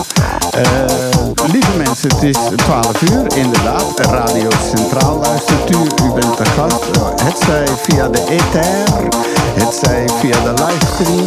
Blijven er 21. En eh, via DAB, eh, aangenaam. En je kan ook eh, gewoon via het internet, via TuneIn, radio en allerlei apps, overal waar je wil. Je kan het streamen als je ontvangst niet zo goed is. Dan zet je gewoon eh, je internet op de speakers enzovoort. En dan eh, luister je lekker mee. Krijg je ook wat meer lage tonen en wat meer power en zo. Dus eh, wij zijn de Praattafel podcast. Ook een eh, podcast, dit nu al de 119e aflevering. En eh, we zijn ook heel blij dat we hier eh, op Radio Centraal mee mogen doen. En onze wekelijkse show mogen doen. Eh, als je dit leuk vindt, eh, dan zijn we heel erg vereerd als je ons kunt liken en volgen op onze Facebookpagina. En nog leuker vinden we het als je het ook aan andere mensen laat weten. We kregen net een prachtige eh, eh, compliment van onze Christo. Misschien kan Chris eh, die eens even aanhalen. Ik zou dat kunnen, ja. Ehm, nee, maar Christo is blij. Hij zegt, het, gelukkig zijn er nog zo'n goede programma's op Centraal als de Praattafel. Nou, kijk eens aan. En, en dat, eh, Nou, dat is fijn om te horen. Ja, fantastisch. Een mooi compliment. En dat is zeker niet ge-AI'd en er is ook niet voor betaald. Dat is zomaar spontaan. Onze trouwe eh, mede, mede kandidaat voor de quiz dadelijk. Want we gaan zo beginnen. Je kan ons volgen dus op Facebook en op Twitter. Eh, de podcast is te horen op Spotify. En voor de rest, eh, ja, like ons. Hè. Ik zou zeggen, bezoek ons op de website. Want alles waar we het over hebben, er staan uitgebreide links bij. Dus het is gewoon studiemateriaal waar je gewoon fantastisch eh, veel informatie uit kan halen. En dan denk ik dat het nu eh, tijd gaat zijn voor wat we de hele tijd al heel dringend op zitten te wachten. En dat is deze. Goedemiddag, wakkere praattafel podcastluisteraars op Radio Centraal. En welkom op de quiz van onze favoriete quiz. En voor vandaag hebben we weer een dozijn kakelverse, boeiende vragen waar we graag ook antwoorden op zouden willen krijgen. En als het even kan, de juiste antwoorden, nietwaar? En u kunt dus ook meespelen, beste luisteraar, en antwoorden via onze praattafelchat op praattafel.be en op chat te drukken. Of je kan ook hard roepen, nietwaar? We zijn er dus klaar voor en ik heb er zelf ontzettend veel zin in. Laten we starten met de quiz van onze favoriete Chris. Ja, dat is waar. De favoriete Chris-quiz. En smakelijk eten iedereen thuis en blij dat jullie er allemaal bij zijn. Deze week is het de carnavalsquiz. Want het is carnaval, of tenminste toch de laatste dag. En, en ehm, ik zag op het nieuws in Aalst, en dan gingen ze live naar de politiecommissaris en die zei, ja, ik heb eigenlijk niks te melden, alles liep goed. En dan gingen ze naar het ziekenhuis en daar zeiden ze, ja, we hebben eigenlijk niks te melden, alles ging goed. En ik ben spontaan gaan kijken op de straat of dat er geen journalist stond met een camera en dan kon ik ook melden dat hier alles niks te melden was, maar alles goed ging. Swat, we gaan beginnen met de quiz. En, en ja, het is dus een carnavalsquiz, wat moet ik er nog meer over zeggen? Laten we gewoon naar vraag 1 gaan. En dan nu vraag 1. Ja, dat zei ik net, hè, vraag 1. En dan carnaval. Maar wat betekent eigenlijk het woord carnaval? En er zijn een paar oplossingen, maar ik wil er maar één horen. Dus wat betekent het woord carnaval? Oké, we gaan nadenken. Carnaval. Ik ga me voortaan niet meer, want de vorige keer word ik te veel afgeleid als ik mee ga denken. Dus ik. eh, Nee, nee, ik, ga, ga gewoon meedoen. eh, eh, Gewoon meedoen, zeg. Gewoon meedoen. Oké, nou op Ja, eigen risico. jongen, dan, jongen, jongen. Hij moet een paar knopjes draaien. Nou ja, oké. Nee, eh, eh, ja, iets met. eh, f- Zonnewende of zo. nee, het is eh, einde van de drie koningen of zo. Einde drie koningen. Iets, iets met eh, Bijbel. eh, de, eh, ja, het is vlak voor Aswoensdag. Aswoensdag. Nee, weet ik veel. Nee, woensdag gehaktdag. Nee, want, want de, dus je hebt dan zondag, maandag en dinsdag is Ja, de carnaval. tijd is voorbij, hè, mannen. De Ja, tijd ja, is ja, voorbij, hè. Het is een gesprek. Oké. Ja. En geen antwoord van Mario? En nou, Mario ik dacht zit dat nog het, ik de vermoed chat. iets, Ik- iets met, ik vermoed Mama, iets jij met zit de nog niet in natuur de en. eh, chatroom, Mario. Ah, je zit niet in de chat. Oké. Ja, zo. maar oh, dat wacht, moet oh, wel oh, wacht, doen. oh ja, dan moet ik Ja, even. god, ja, dan het moet ik hele protocol er ja. is. Ik Dus moet even ik ga beginnen met het antwoord, mensen, want anders gaat Ja. dat hier uren Ja. duren. Hè. Ja. Er zijn er dus twee. Eh, over de betekenis van het woord carnaval gaan verschillende verhalen rond. Een voor de hand liggende verklaring, verklaring is dat carnaval is afgeleid van het Latijns carne vale. Wat betekent vaarwel aan het vlees. Ja. Want we gaan tenslotte de vaste tijd in. Carnaval wordt altijd gevierd vlak voor de aanvang van de vaste tijd. Ja. De 40 dagen voor Pasen, waarin christenen geen vlees mogen eten. Een verklaring is dat het woord carnaval een verbastering is van het woord dus carus navalis. En dat verwijst dan, dan weer naar de optochten die traditiegedouw door de tijden... De scheepswagen is het tweede antwoord. Dus het zou kunnen zijn carnevale, vaarwel aan het vlees. Of en dan moet ik weer zoeken. Carus navalis, en dat is dan de, de scheepswagen. Dus de wagen die getrokken wordt door de straten om carnaval te vieren. Dus ehm, Christo heeft Niemand. gelijk. Oh, oké. Een beetje. Oh. Een beetje. Vaste, dat is ja, vaste tijd. En het is eigenlijk het afsluiten van de vaste tijd eh, met carnavalen. Dus, dus ik ga het goedkeuren gewoon van Christo. Oké, één punt voor Christo. dan. Oké. Ja, maar Nou, ik zat in de keer buurt, leren want we eh, als woensdag is inderdaad eh, wanneer... Want dan moeten ze ook zo as op hun voorhoofd smeren. en Ja, dan maar je moet toch niet... Het is ja. de, quiz van de, de quiz van de favoriete quiz, hè? De- nee, ja, allee, ja, je weet wel. Ja, nou, maar dit gaan, nee, we maar achteraf in de dit gaan we achteraf in de directiekamer bespreken. Hoor, jongens, bij. is Oké. Gewoon Zeg het maar, zeg het maar, zeg het maar. Ja. Ja, vraag 2 dus. En dan vraag 2. Ja, zoals ik zei, vraag 2 dus. Hè. en, en, en dan over, over gekte gesproken. Maar wat is het gekke getal? En, en altijd carnaval in het hoofd houden. Hè. Wat is het gekkengetal? Ah, ik, ik, wacht even. Dat was. eh, Ja, kijk, ze, ze hebben nooit, er is geen wachtmuziekje en zo, maar ze hebben ook nooit in de vergadering gezegd, maak het gemakkelijk. We moeten er een blokken van maken. Ja, wacht, ja, ik moest even wat doen. We gaan naar de... Ik heb de vraag niet gehoord, hè, dus... Ja, Wat is het gekkengetal? eh, nou, dat, zes, dat zou zes. toch moeten weten. Triple six. Ah, ik gok maar wat. Nee. Wie het dichtst bij zit, wint, neem ik aan. Eh, kijk kijken wat... eh, Oh ja, 11. Ja, ja inderdaad. Dus Ja, Mario, dat je bent Christo te laat. voldoende heeft. Ja, ja, ja, eh, Christo heeft inderdaad 11 gelijk. Het is raad elf. van 11, ik had het moeten weten. Oh, natuurlijk, en ja, de raad 666, van dat is 11. het getal van het beest. Ja, daar Hallo? zat ik helemaal naast. Ja. Maar, maar mensen worden Ja. wel als een beest tijdens carnaval. Ze gedragen zich als een beest. Dus ja, ik vind toch wel Nou, ze gedragen punt. zich meer alsof ze 11 zijn, vind ik zelf. Maar goed. Wil je ook nog het antwoord? Ja, graag. Nou, vooruit al. Oké. Het getal 11 is van oudsher het getal van de dwazen en de narren. 11 in, is onlosmakelijk verbonden met carnaval.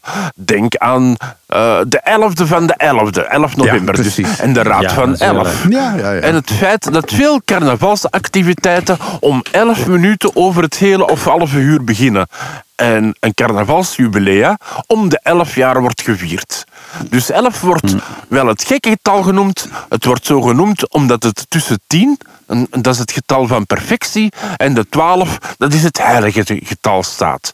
Eh, leuk detail is dat het woord gekkengetal uit precies 11 letters bestaat. Eh, Daarnaast bestaat het getal 11 uit twee keren 1, wat staat voor gelijkheid. En met carnaval gaat iedereen verkleed en daardoor vervangen de verschillende tussen arm en rijk. Iedereen is dan gelijk. Voilà, kijk. En dan Dat, rijmde zelfs. aan Ja. vraag 3. Ja, is het van is gehaast. Vraag 3. Wie is de baas tijdens carnaval? Hè? Wie heeft daar het gezag? Dat is vraag 3. Oh ja, Ja, Prins Carnaval, hè. de prins. krijgt weer- Ja, dat had ik ook. Het zal wel weer fout zijn. Die krijgt, ik moet die ook krijgt de sleutel zeggen... van de burgemeester. En de naam van de stad wordt dan ook veranderd. Maar, Oh, de rest dus. Oh, Christo zegt de keizer. Keizer. Die zal, nou, oh, ik denk dat... denk carnavalsprins altijd. Maar ja, goed, we gaan het zo horen. Ja, ik ook. Oh, eh, eh, oh, ik moet nog Maar het is, even- ik ja, moet we wel bekennen dat het, iets is, dat het wel iets is wat volledig buiten mijn waarneming heeft afgespeeld. het bij hele ook. carnaval. Ja, dat, dat zei je vorige week ook, Mario. Dat, heb, dat zei je vorige week ook en toen ben je Ja. gewonnen. Dus, dus we gaan dat niet... Ja, maar ik ben nu zwaar aan het verliezen, want dit is allemaal, dat, dit heb ik allemaal fout gewoon. Ja? Oké. Nou, we hebben drie antwoorden en wie heeft gelijk? Wel, eh Istvan en Mario hebben gelijk. Tadaa. Het is de prins. Oh, Oké. Ja, Ah, eh. Christo zegt van, ach ja, ik, ik dacht dat er ook een keizer is. En die is er inderdaad, toch in Aalst in ieder geval. Ik heb hem ooit eens geïnterviewd. En, en, en die is keizer omdat hij al zoveel jaren prins is geweest.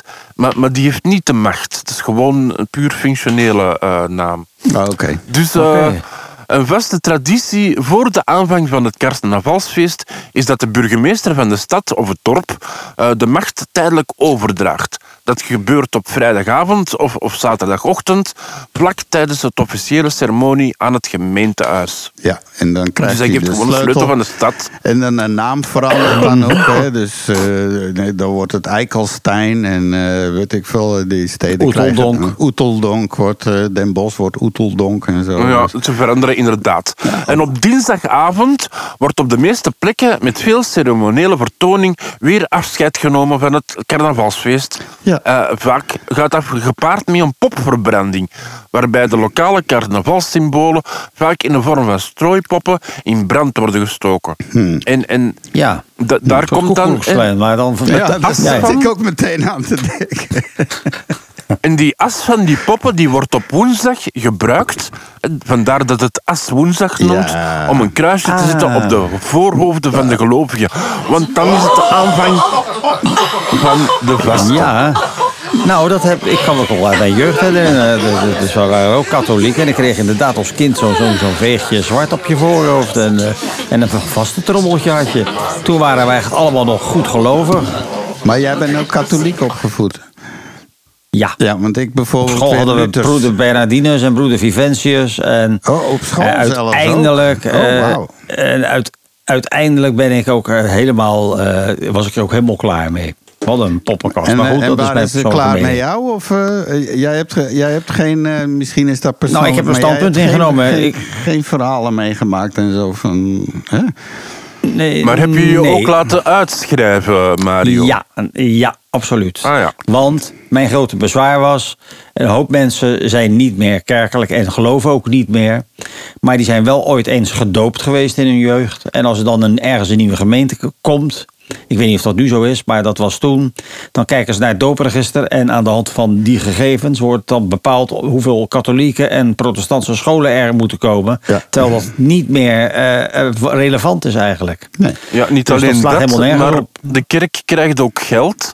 En dat is eh, per gelovige. En, en dus als je niet meer gelovig bent, maar niet bent uitgeschreven, krijgt de kerk toch nog altijd geld. Ja, en, en, Ja, en- dat, eh, dat is niet, niet fijn. En nu is Nee. het in België vrij makkelijk, maar in Nederland heb je dus de gereformeerde kerk, je hebt de hervormde kerk, je hebt de opnieuw gereformeerde kerk, je hebt de, de vrijzinnige. ik bedoel, daar heb je Ja. een hele plethora aan. eh, en die moeten dan allemaal dus knokken, want er is dan één pot geld en die wordt ook zo naar ratio een beetje verdeeld onder de kerken enzovoort. Maar ja, het is, eh, maar de, de kerken worden ook allemaal eh, tapijtwinkels en eh, supermarkten. en zo. Zeker. Zullen we maar gewoon naar vraag 4 gaan? Ja, Nou ja, ik ben zelf een- een- zeker. praattafel. We, we gaan het niet hebben over het geloof, want ik ben zelf een vroom atheïst. Ja, ik denk zelfs dat dat niet mag op Radio Centraal. Dat staat ergens in uw statuten. Niet politiek of godsdienstige toestanden. Oh, oké. Oh, Ja, nou, oei, oei, oei. Oei, oei, oei. dan gaan we het er eh, ook hier... Ja, eh, Oké, Hij eh, was heel stil. Ja. Hij was heel stil, maar we zijn al bij vraag 4 beland. En, en we zijn Oh, dinsdag vandaag. Hè, we zijn dinsdag. Maar welke dinsdag zijn we vandaag? En denk carnaval, hè? Denk carnaval. eh, dolle Welke dinsdag. Do- dolle dinsdag voor mij. ja. ja, dat denk ik ook. Ja. Dat, Weer geen eh, wachtmuziekje, maar we doen Eh, gewoon ja, hè, maar ik, daarom. Eh, dat is de verkeerde Dat zeg wachtmuziekje. ik als ik goed. denk en als ik meedoe. Ik, ik kan niet multitasken. Ik heb je gewaarschuwd. Eigen schuld, dikke bult. Zeg niet. Ik heb liever know, dat je meedoet. Nou, Ja. oké, dan moet je niet is- zeiken over een wachtmuziekje wat er niet bij is hoor. Hè, we vechten het hier even online uit, want wij doen niks achteraf in de Hij kamer. is een beetje narrig vandaag. Nee, maar ja, wat, wat zo'n plopzak Ja. kan, kan ik ook. Hè. Ik bedoel, het gaat we moeten wel kwaliteit leveren hier. Hè? Nee, oké. Met het verkeerde been uit bed een Ja. Oké, heren, tot de orde. Nou, Eh, ik heb drie antwoorden. en, en, en Istvan en Mario zeggen: Het is dolle dinsdag. Het zou heel leuk zijn, maar wat het is niet zegt waar. die Christo nou? Oh, eh, vuile het is op vuil. Jeannette is, is op maandag. Dan, dan gaan de, de. Dat is zo het einde een beetje van de stoeten. En dan gaan mannen verkleed als vrouw. eh, door de stad. Oké. Dat noemen ze dan de Ja, dan Ja, dat is een Vlaams. traditie. Ja, dat is, dat moet. Oh, Het is in dat- oh, maar dit zijn allemaal Aalstse vragen, ja.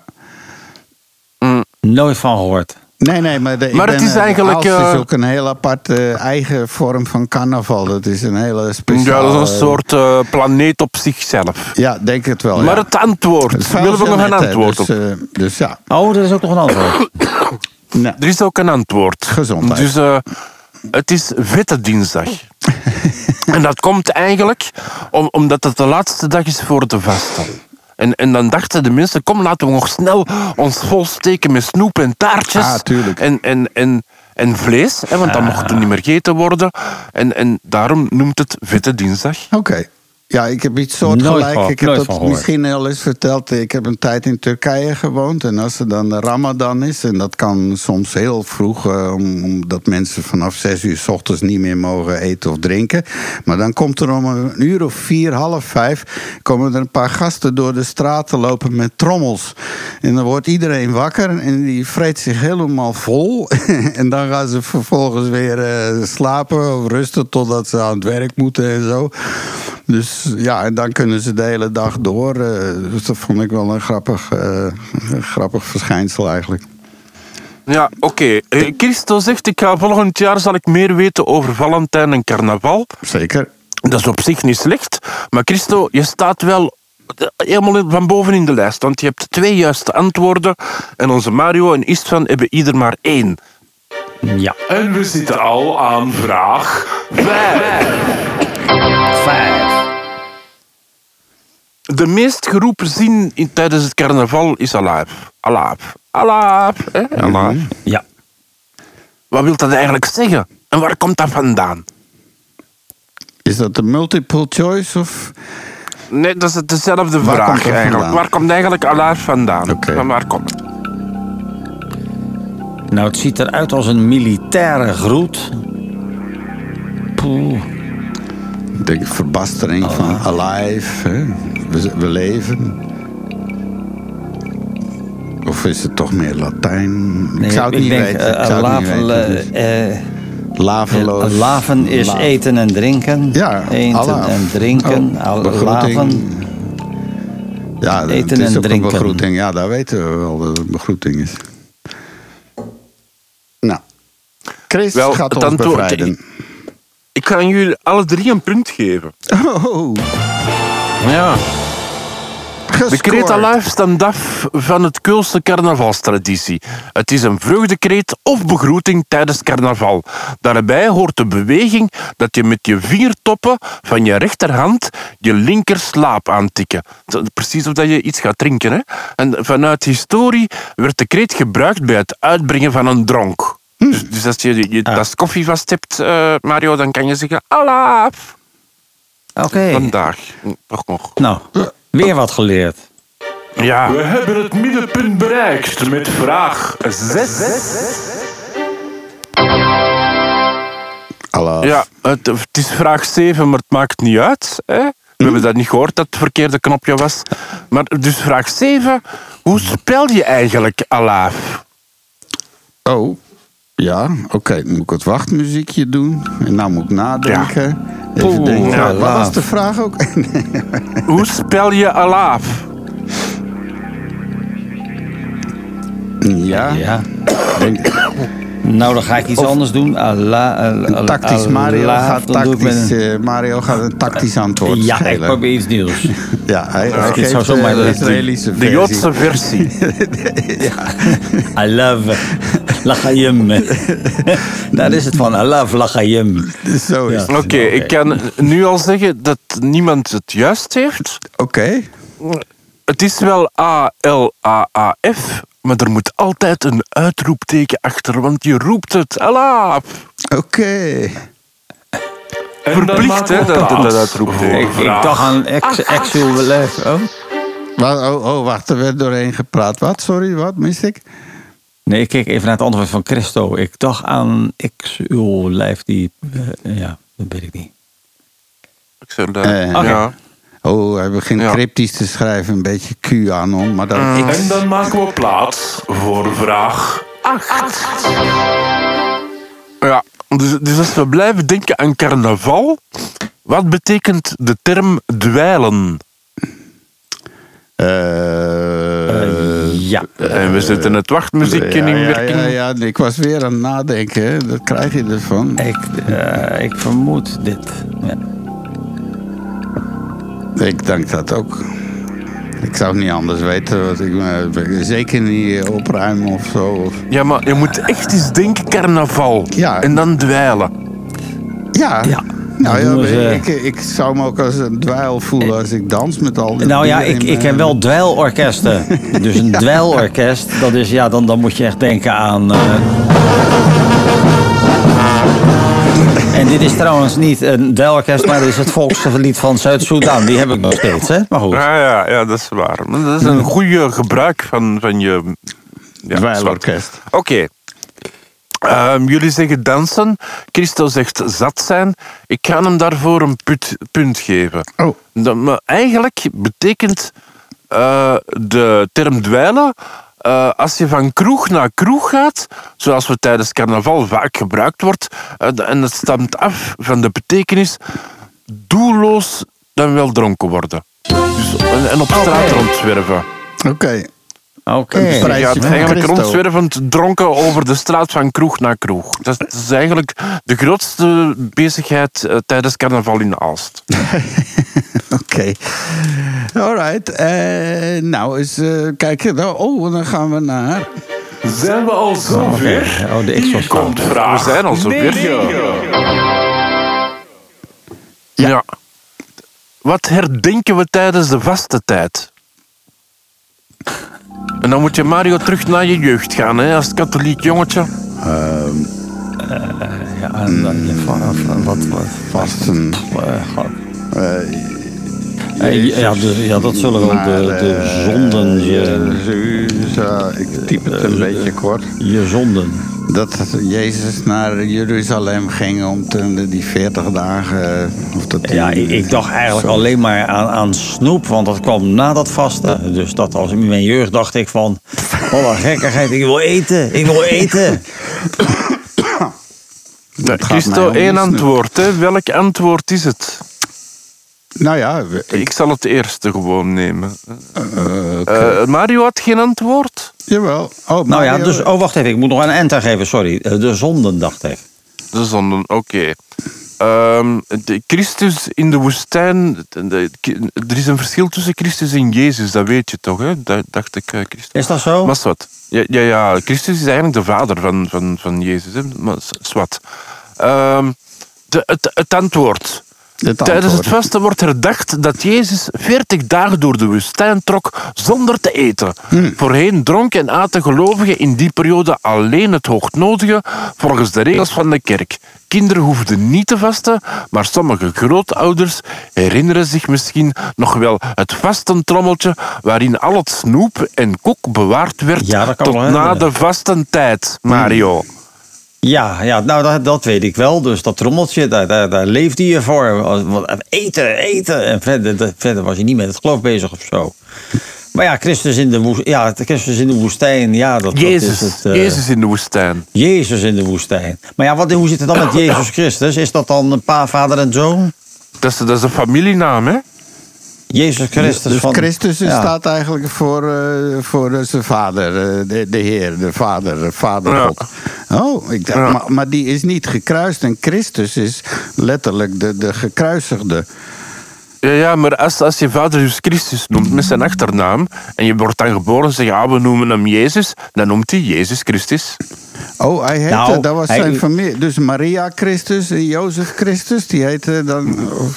Nee, nee, nee, van Nazareth. Het was Jezus van Nazareth, eh, volgens mij. Dat was zijn achternaam, van Nazareth. ja, want ik ken iemand Jezus die, die van is van. Balen. Dat is chef van Balen, maar ik weet niet of dat die van Balen is.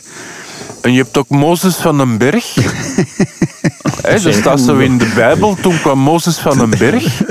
ja, precies. Met zijn stenen tafelen. Ja, en hij Ja. heeft nu een Nee, goedlopend transportbedrijf. En wat? Oké, de stand, de stand. Oh, oh, sorry. Ja, maar eerst de stand. Oké, oké, oké. Mario heeft twee juiste woorden. Eh, Allee, twee juiste antwoorden. Ja. Eh, Istvan heeft er drie. Oké. En Christo heeft er vijf. Oké. Ja. Dan worden weer ingemaakt door Christo. Vandaag Absoluut. een eh, winner. Maar er zijn, nog, eh, er zijn nog drie kansen. En aan Ja, negen dan komt kunnen we nog gelijk vraag 10. Ja.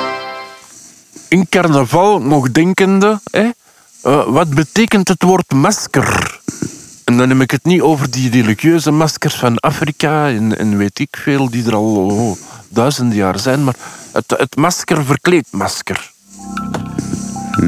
Wat betekent dat? Ja, de herkomst Eh. hè, van... Oké. Oeh. Betekent een masker. Ja. Ja, ik denk... eh, Oh ja, Christo is anonimiseren, ondertussen dus- van naam veranderd. Allee, niet zozeer, maar eigenlijk is Christo zijn achternaam Ah, en, en noemt ja. eigenlijk Bruno. Dat is typisch dat België, of tenminste Oh, Vlaanderen Bruno. en Hongarije... zijn de enige twee landen waarin men meestal de achternaam eerst zegt. In, in Hongarije ben ik ook Lelusi Istvan. Hè, En, en, en hier in België zie je heel vaak, ja, verdonk, Chris. Hè, En dat, dat gebruiken mensen ook. En dat is heel typisch, want in Nederland zou je dat nooit doen. Ik ben Peter Jansen en, en ik ben niet Jansen Peter of zo. Dat is, Ja, bij mij is dat ook, hè, Mario. Het is niet Chris uw favoriete, maar uw favoriete Chris. Hè. Ah, oké. Ah, Oké, maar het is wel zo dat je in Nederland hebt, als je bijvoorbeeld Timmermans heet, dan, dat is eigenlijk afkorting voor eh, de, de zoon van de Timmerman. Ah, dus. Jan, eh, Jansen is de zoon van Jan. Ja. En Pietersen is de zoon van Piet. Ja, ja. Ja. Ja, dus wij Ja, namen aan Bruno, omdat- Bruno zegt wel dat hij van Joegoslavië komt. Joegoslavisch afkomt. Oh, oké. Welkom, Bruno. dan? Is het daar ook, eh, misschien is het daar ook gewoonte. eh, dus dat Of je- is het gewoon, als hij als kind naar hier is gekomen, dat hij het gewoon hier geleerd heeft, uiteraard. Dat zou ook kunnen. Ja, ja, maar we precies. zaten aan vraag 10. Ja, ja, zeker. Nou, En ik zie geen enkel juist antwoord. oké. Want Ja. ik dacht anonimiseren, hè, dat iedereen gelijk is, koning of pauper. eh, Ja, ja maar ik heb het masker over het woord. Het woord, masker. masker. Het woord. Oh, oh, oh, oh, oh, sorry hoor. Maske is bedekken. Ja. Ja, dat zit er dan heel dichtbij.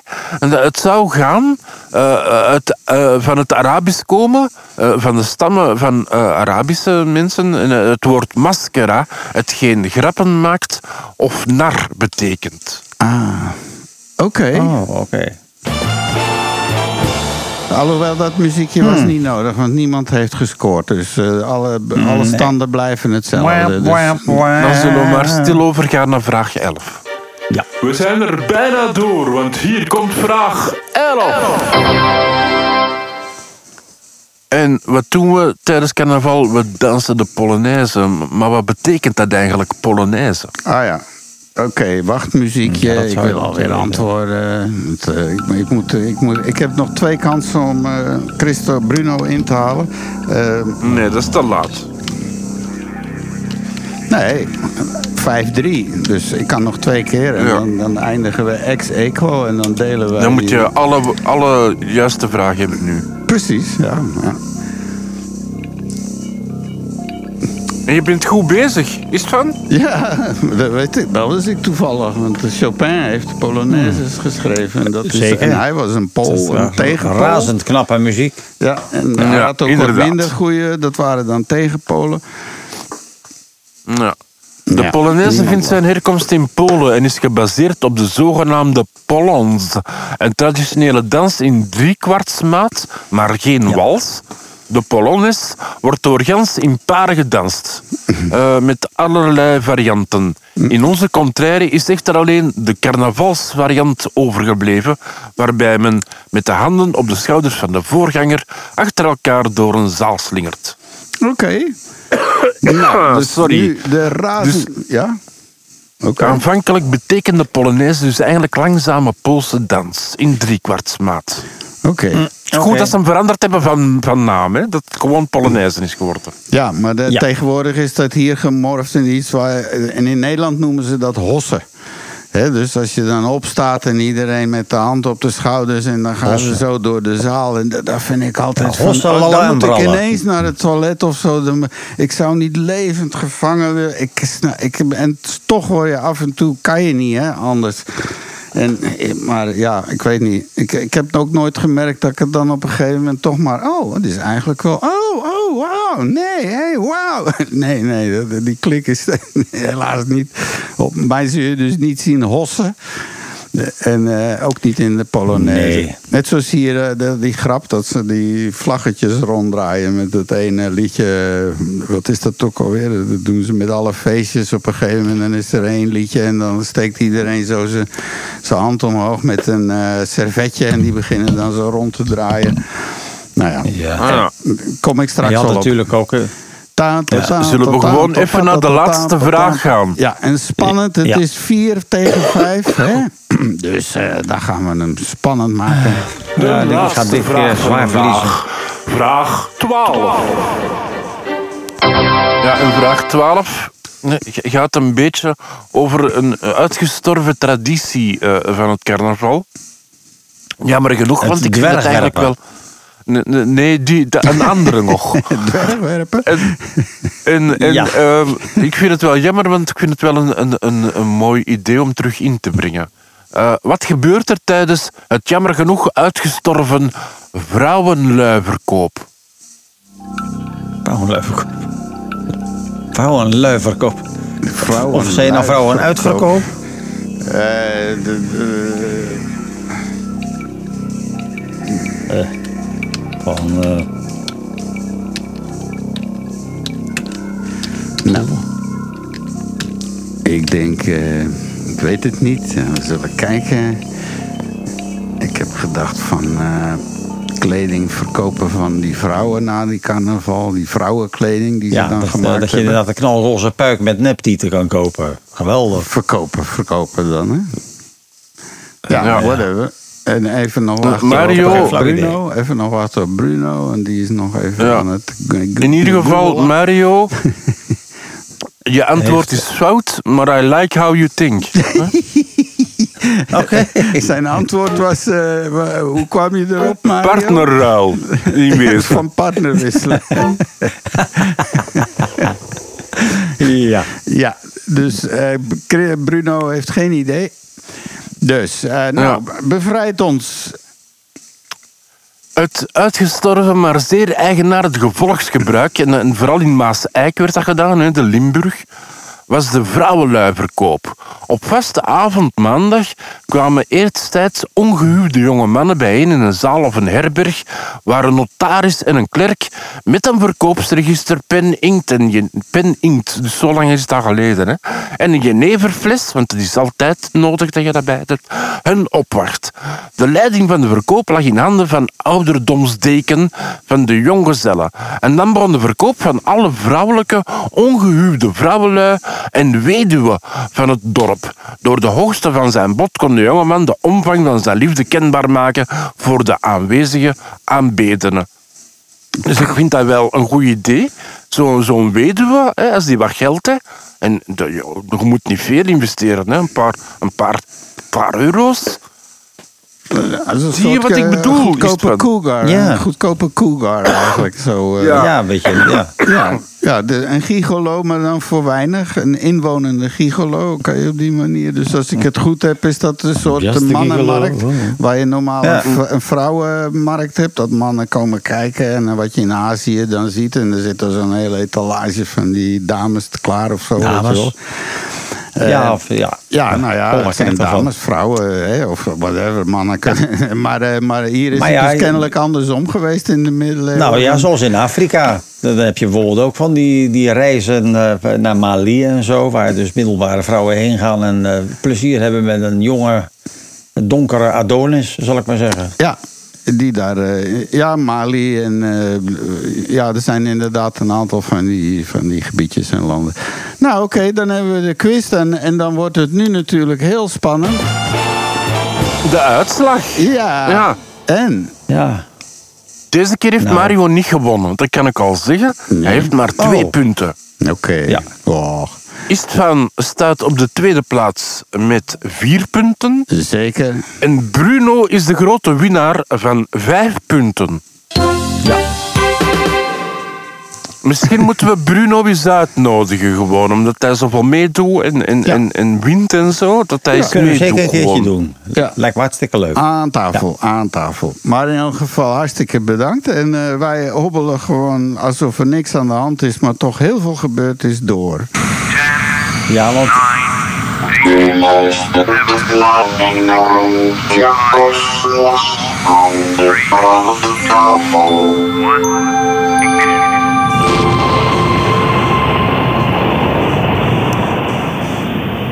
We zijn gelanceerd.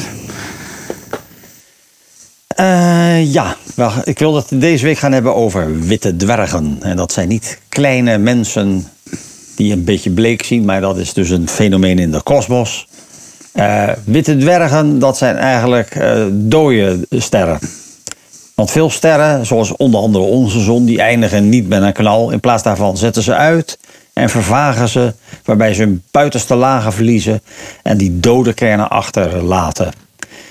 Wat, wat je dan overhoudt, dat noemen ze witte dwergen. Dat is eigenlijk gemaakt van wat ze dan noemen gedegenereerde materie. Dat is een hele vreemde type ultra gecomprimeerd gas. Eh, dat wetenschappers nog steeds niet echt begrijpen wat het is, dat, eh, die gedegenereerde materie. Eh, maar uiteindelijk hebben ze dus nu een manier gevonden om ze te wegen. En waarom wil je dat weten? Dat, brengt je, dat levert veel informatie op over hoe het universum werkt, eigenlijk. Eh, maar dat, deed, dat kon men wel doen, maar dat deed men eigenlijk altijd in dubbelstersystemen. Dus waar je dus twee sterren hebt die om een gemeenschappelijk zwaartepunt draaien. Eh, en die zijn, niet zo, die zijn niet zoveel aanwezig. Je zou het liefste en veel accurater apart willen wegen. Nou, en dat is ze dus nu gelukt. Want ze hebben dus een geïsoleerde witte dwerg gewogen. Tenminste, dat is wat ik al eerder zei. Dat is dus dan het verschrompelde omhulsel van een dode ster. Door middel van een vreemd fenomeen dat door Einstein eh, is voorspeld decennia geleden. Eh, en dat is namelijk eh, de eigenschap dat de zwaartekracht de ruimtetijd vervormt. Dus toen eh, men heeft het ster genomen, de LAWD 37. Dat was, al, dat al jarenlang een populair onderzoek van studie. Die is ook slechts 15 lichtjaar, lichtjaar, lichtjaar van de aarde. Eh, en dat hebben ze gedaan met de Hubble. Die heeft daar heel lang naar gekeken. Eh, en ze hebben dus uit kunnen rekenen dat door de geringe beweging van de ster. eh, dat, die, dat die ongeveer 56% is van onze zon. En hoe hebben ze dat gedaan? Met die zwaarteruimtetijdvervorming. Want als je daarnaar kijkt, dan kromt het licht van, de achtergrond, van een achtergrondster zich rond de nabijgelegen witte dwerg. In een eh, proces dat staat als de zwaartekracht, bekend staat als zwaartekracht microlensing. Dat is dus eh, eigenlijk een, zwaartekrachtlens. En je moet daar dan wel heel lang naar kijken, want je moet het zo zien.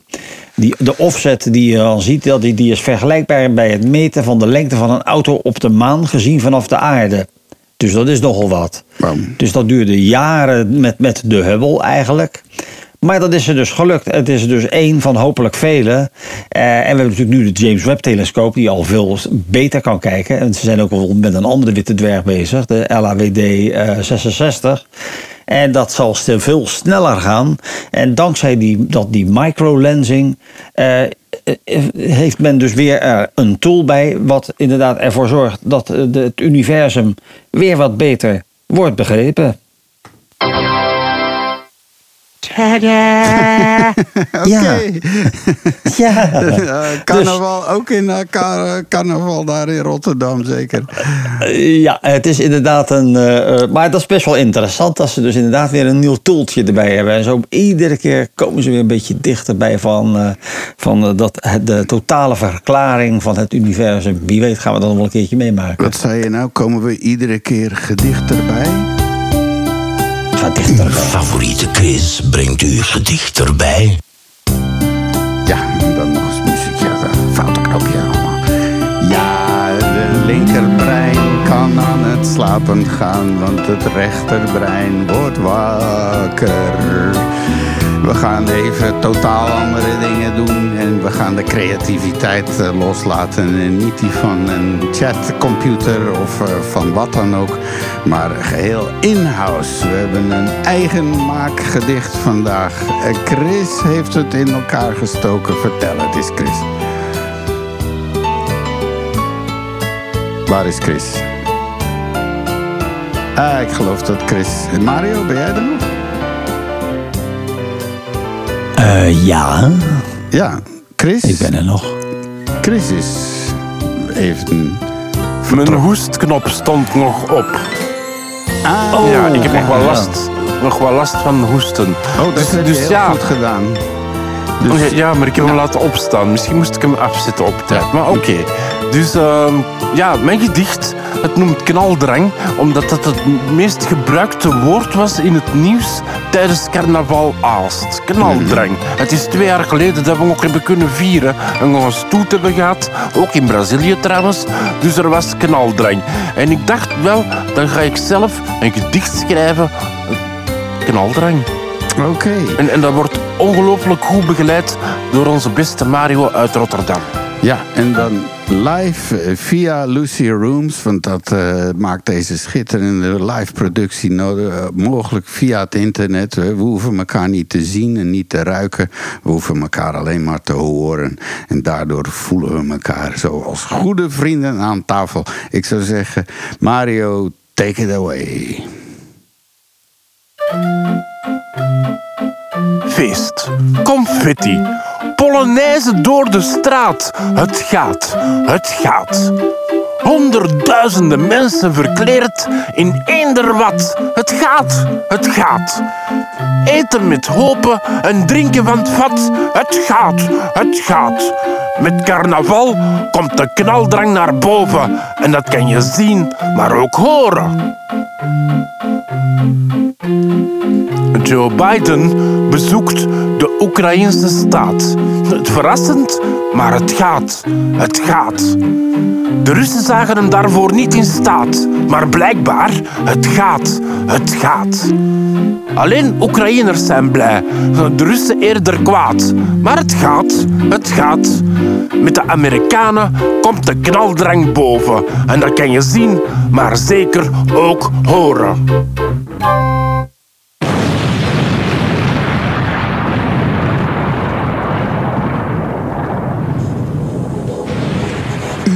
luistert naar Radio Centraal op FM 106.7,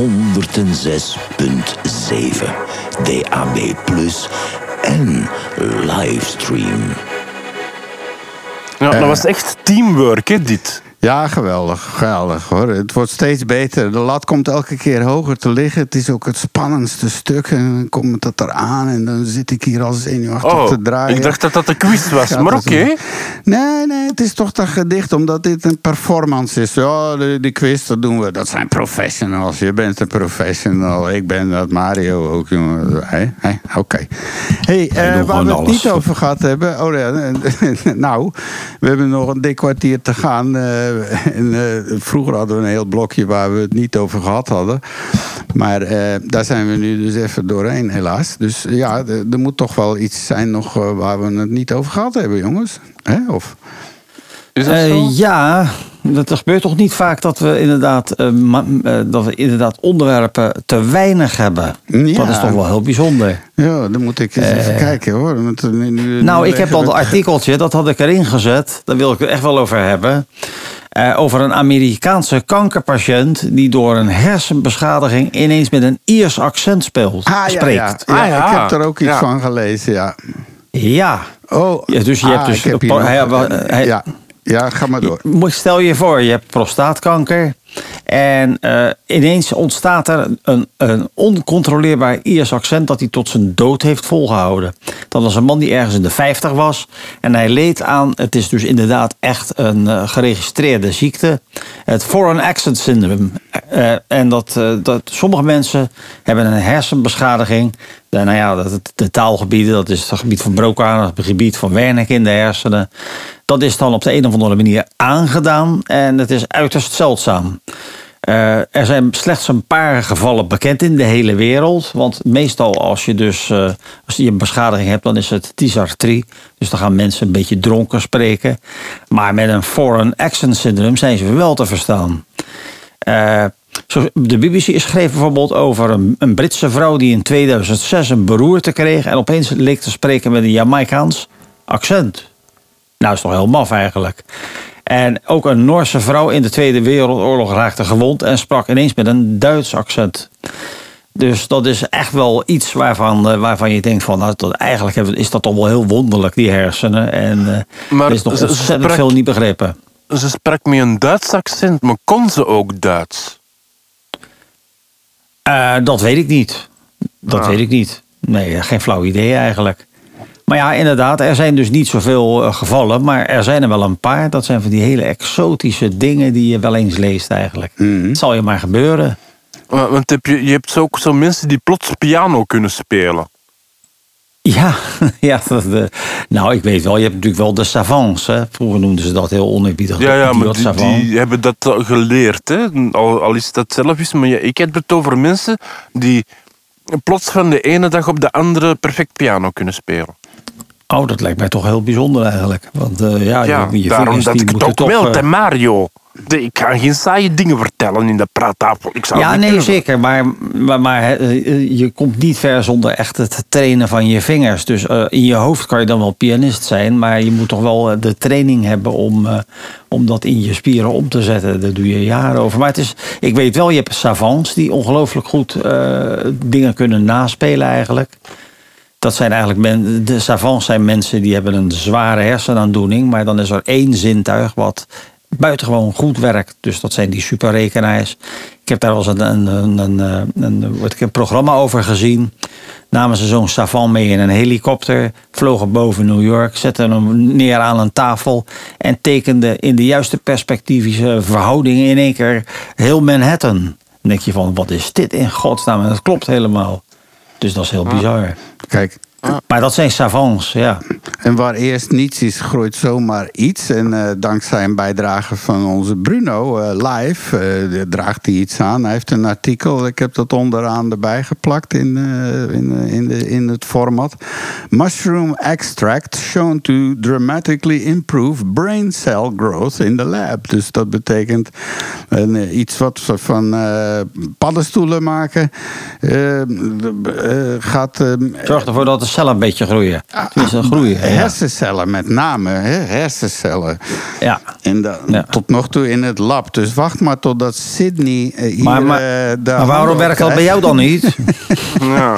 Ja, maar ik heb geen lab. Maar ik denk dat het toch wel Er is tijd van is voor, als kind in de pot gevallen en dan werkt dat niet meer. voor al- aluminium hoedjes. Want we moeten Sydney buiten ons houden. Hè? Want Sydney neemt daar gewoon de hele wereld over straks. Dat wordt echt nog wat, hè? Met die... eh, ja, ja, dat gaat- Heb je trouwens gehoord van die vrouw, ik denk dat het een Poolse is, die plots beweert dat ze Maddie McCann is. Ah, ja. En, Dus en de Maddie ouders- McCann Oh ja, is het dat kindje ook, dat ja. ontvoerd is Ja, op heel jonge Engeland. leeftijd. ja. Eh, de- ja, in Spanje is hij ontvoerd, dacht ik ergens of zo. Portugal. Een- een- ja Portugal. met Britse Portugal. ouders, eh, ja. Ja, die Heb je het filmpje gezien van die Poolse vrouw? Want die zegt op een gegeven moment, ja, ik wil dus DNA-onderzoek willen doen, want ik heb hetzelfde eh, eh, effectje in mijn oog dat Maddie heeft en ik heb ook een pukkel op mijn been en dat had zij ook. En als ik Maddie niet ben, dan ben ik toch misschien iemand anders. Dus ze wou een DNA-onderzoek. Nou ja. Dus ik twijfel al enorm Ja, die of dat ouders... het Ja. is of niet. Ja, de ouders hebben toestemming gezegd omdat die alles toestemmen. Voor hun is Ja, elke dus optie... daar hebben ze ook gelijk in trouwens, vind ik. Als Ja. iemand beweert van ik ben dat, je moet dat op zijn minst testen, want dan weet je het zeker. Ja. alleen het kan heel lang duren. Ik wil niet gelijk over jullie eigen koning beginnen, maar eh, dat schijnt soms heel lang te kunnen duren. Ja, maar dat was een andere reden. Dat was niet technisch, dat was meer psychologisch probleem. Oh, Ja, die, die, wilde, die, kon dat niet eh, verkroppen. Dat was too much voor die Trouwens, ouwe. Die- nu dat je het erover heeft, het was een samenkomst in de kerk voor een of andere feestdag en zij was erbij. En voor de eerste keer publiek, en, en dat is wel een bepaald geschiedenismomentje, hebben ze elkaar gezoend. Allee ja, dus Zo, dat als papa en, en, en dochter. Hè. En dat is de eerste keer openlijk dat dat gebeurt. Dus wel heel belangrijk, want dat kwam op het nieuws. Ah ja, oké. Ja, dat ligt allemaal heel gevoelig. Hè. Ik heb helemaal niets met koning, koningshuizen eigenlijk. Ik vind het redelijk folkloristisch en verder niet veel meer. Maar inderdaad, het is, voor, het is een jarenlange strijd geweest volgens mij. Hè. En dat geldt voor heel veel dingen. Ja. Dus dat is een raar wereldje. Ja, en dan onder elkaar ook enzovoort. Hè. Het is eh, de, van het ene land. En het is echt zo'n. eh, maar die zien het ook als een soort job tegenwoordig. Hè. Het is niet meer zo de dingen. Je hebt een aantal van, vooral in Noorwegen en Denemarken, die kijken er allemaal toch wel niet meer met die magie en dingen. Hier in België, ik, dus ik vind Philippe dat ook redelijk goed doet. Eh, ja, Willem-Alexander is natuurlijk een beetje een houterig type, maar. eh, hè, ik weet niet. Op, datzelfde bijeenkomst trouwens eh, heeft de, de camera gefilmd dat eh, ja, onze koning Philippe stond er en zijn broer passeerde. Hè, eh, hoe noemt hem nu weer? Eh, Laurent? Laurent passeerde. En, en Philippe die, die wou een hand geven en Laurent weigerde dat gewoon. Ah, en de camera had dat gefilmd. Ja. Ja, ja, en dat, is, en dat, en dat veroorzaakt in die kringen schokgolven. Echt schokgolven. Ja, maar ja, was het opzet of waren het gewoon zijn medicijnen? Nee, nee, nee. Hij, hij maakte een kruisje. Want, want het was wel zo'n...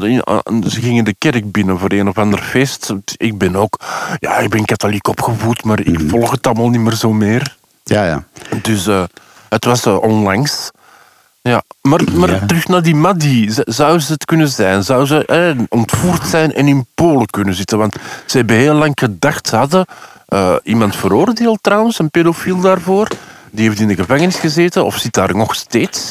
En, en nu heb je ineens in Polen iemand die zegt van, hé, hey, ik ben het. Oké. Ja, nou ja, goed. eh, Het is vrij eenvoudig uit te zoeken. Je doet gewoon een DNA-test en eh, dan ben je klaar. Ja. Dus echt, echt, echt al te moeilijk zal dat niet zijn. En die ouders die hebben inderdaad wanhopig gezocht en, en eh beloning uitgeloofd. En, ja, Ja. nee, tuurlijk. Dat, en en die, die moeder, dat was geloof ik een arts of zo. Dat kwam- staat nog iets van bij. Maar geen domme mensen. eh, maar ja, eh, je hebt natuurlijk altijd wel mensen die daar geld aan willen verdienen. Hè? Denk maar aan eh, onze, onze Joran van der Sloot, die nu zit weg te, weg te rillen in, in, in een uiterst koude cel ergens in Peru. Die, die heeft ook eh, de moeder van, van die Natalie Holloway, eh, die eh gechanteerd met van eh betaal. En dan vertel ik je waar, ze- waar, dat, waar dat lijk ligt. Ja. Dus, Het is dus het trouwens- is dan een verdienmodel. Ja, over, over boeven en gangster gesproken. Het is trouwens een jaar geleden dat Rusland Oekraïne binnenviel. En, en Vladimir Poetin ging 24 dan... e hè? De 24 is dat. Dat was gisteren. Nee, dat is eh, donderdag of vrijdag. Het is de 21ste vandaag. Maar goed, Ja, inderdaad, je hebt gelijk. De, de vrijdag komende 24e. eh, En, en dan geeft hij een speech en iedereen verwacht dan dat de Rusland zijn offensief gaat inzetten. Terug, nog eens, voor de zoveelste keer. En, Ja. en, en dat het terug eh, serieus oorlog wordt. Nou, het schijnt dat ze nu een half, Nou, ze zijn er al mee miljoen bezig. man, eh, een half miljoen man hebben samengetrokken in die Donbass. eh, maar die, die kunnen Ja. nog niet heel snel aanvallen. Dat gaat nog weken duren, want die zijn nog niet er klaar. sterven er duizend per dag, wordt er gezegd. Dat is ook de enige reden waar dat Oekraïne daar aan het vechten is. Omdat ze elke dag duizend Russen kunnen Ja, neerschieten. die, die, die zijn een soort eh, Tweede Wereldoorlog of zelfs een Eerste Wereldoorlog-strategie met golven soldaten sturen. En die worden dan Ja. ook met golven neergemaaid en zo. Afschuwelijk. Een gehaktmolen. Ja, want, eh, maar dat Woensdag is typisch. Dat, dat deed Rusland in de Tweede, eh, Tweede Wereldoorlog ook al. Ze hebben weliswaar gewonnen van de Duitsers, maar je wil niet weten ten koste van hoeveel slachtoffers. Dat was gewoon, eh, gewoon echt bij een, een attritieoorlog, dus een uitputtingsoorlog. Als je, als je de, de ene kant duizend man hebt die verdedigen, nou dan stuur je er duizend en dat lukt niet, maar dan stuur je er nog duizend. Intussen heb je nog maar 800 verdedigers, dan stuur je er nog duizend. En eh, uiteindelijk eh, met 10.000 man kan je misschien dan die mannen over, overwinnen. Maar, maar dat is afschuwelijk om op die manier oorlog te voeren. En dat is helemaal niet van deze Ja, tijd. Dat is, dat is eigenlijk nog een, een restant van de middeleeuwen. hè. Daar kon je dat met ridders te paard en stuur je leger erop af. Mee, hoe, hoe meer, hoe beter. Maar dat is gestopt in de Eerste Wereldoorlog met de Gatling gun. Ja. Dan kon één de man, of, of waren ja. met drie, eh, gewoon een heel peloton dat afkwam neermaaien, zonder probleem. Wat dan ook gebeurde. En, eh, de Duitsers hadden ook die machinegeweren. En eh, er zijn afschuwelijke verhalen. En dan is dat eigenlijk een beetje gestopt. Ja. Zo van we sturen eh, onze troepen gewoon. Hup. Dus, Nou, de tank, Nee, maar eh, de ook de veranderde, eh, de- eh, de- toen- toen- maar ja, nu zijn we daarover eh, oorlogstechnologie bezig. Eh, eh, nog even gauw, eh, de- want er was een extreme opwarming aan de Noordpool. Hè, en de, en, eh, ja, dus 8 het- graden ja, verschil. 80 Ja, graden. 80, sorry, ja. Ja, ja. En- ik en- moet dringend eten, het is daarom 80. Ja, het, het is, eh, en, en, maar wat dat eh, voor gevolg gaat hebben, dat is dat of dat het hier echt zo min 10, min 20, dat we een hele koude periode. Ja, of min juist, 10 is het meeste nooit, Ah. hè? min 10. We moeten niet overdrijven. Nou, oké, het, kan, het kan heel erg worden hoor. Maar het is ook zo dat we dan eh, een aangename warme periode kunnen krijgen. En dat is een dubbeltje op zijn kant, heb ik gelezen. Zo. Ja. Ja. Ja. Want je Daar praat hadden we het niet in het eigenlijk begin over van de de... show eh, over gehad. Maar ik vind dat wel... Ik ga voor het warme. Als ik mag kiezen, dan, dan Ja, wil ik het liever toch wel wat warmer. Ja. Ja. De Ja. opwarming van de aarde. Ik denk hoeveel jaar voordat we hier palmbomen gaan zien in de binnensteden. Zo, hè? Die zijn er al, hè? Is het van? Ja, nou ja, of eh, de malaria-mug en de CC-vlieg en eh, de dengue-virus en eh, you name it. Ja. Zombie-opstand. Ja, ik, ik het zeggen. Ja, die, die, eh, die, die mushroom die voorgedragen werd door Bruno, dat blijkt dus de lion's mane, dus de leeuwenmanen mushroom. En die heeft al een reputatie voor diverse gezondheidsvoordelen met de research eh, wat eh, supports potential in reducing risk for depression, eh, damage from Alzheimer's disease en zo. Dus allemaal Ja. zoeken Ja. naar. eh, nou, het is wel een hele Ja, mooie. alleen genre. het is, wel het, het is wel het neefje van de cordyceps schimmel. Want dat is dus ook een... En, en ja, en dat- je bent wel gezond, maar je hebt niks meer te zeggen. Daar hebben we het over gehad, de cordyceps. Mijn, mijn vraag is dan, kan je die kopen in de Lidl? Ja, ja. Hey, Eh, ja, We hadden weer een prachtige tafel. Eh, ik moet vooral dank Yep. zeggen aan onze trouwe kandidaat Bruno Christo. Eh, groeten aan eh, Joegoslavië en groeten aan je thuis. En wellicht tot volgende week. En ik zou zeggen, roep het op de webben en de praattafels en de Facebooken. Hoe leuk dit was. En hopelijk krijgen we volgende keer meer concurrentie. Maar ja, dat maakt het tegelijk spannend. Ja. Is de Het is ook te hopen dat we dan niet, niet meer hebben gaan hebben over carnaval. Maar dan nemen we dan volgende week een andere. Laten we het over histologie houden hebben in de, in de quiz. Dan kan ik ook een keer winnen. Ja. Ja. nou dat zoeken we op wat dat is. En, eh, En wat wil je dan juist, Mario? Nou, eh, dat dat quiz. Nou, dit, dit keer was het thema carnaval. En ik zou het fijn vinden als er ook weer eens een thema komt waar ik wat meer van weet. Laat ik het dan zo zeggen. En, en, en dat is dan, bijvoorbeeld... Histologie, histologie. Histologie. Ja, daar weet ik dan niks van. Nee, maar zoek Ja, het daarom. maar op. Maar eh, dan denk ik dat we door ChatGPT eens 12 vragen laten genereren. En kijken, Mario, of jij inderdaad echt goed bent. Oké. Dan leggen we je op de Nou, pijnbank, hè. Dus, eh, en- Ja, dat kan. en dat de kan. Ja, goed, histologie, dan zijn dat is, er eh, eh, weinig medekandidaten, ben ik bang. Het, het is een soort eh, extreme slagerij met plakjes maken. Maar dan niet van de ham of van de kipfilet, maar plakjes Nou, nee, dat is van... meer de eh, preparaten maken. Preparaten Ja, en wat ga je dan doen als ik die quiz maak en Bruno wint nog eens? Dan moet je toch wel een dan, ga- tegenactie dan moet ik de boeken doen. weer in. Dan moet Ja, ik maar wil- Ja, ik verwacht dan ook een tegenactie eigenlijk. Ja, ja.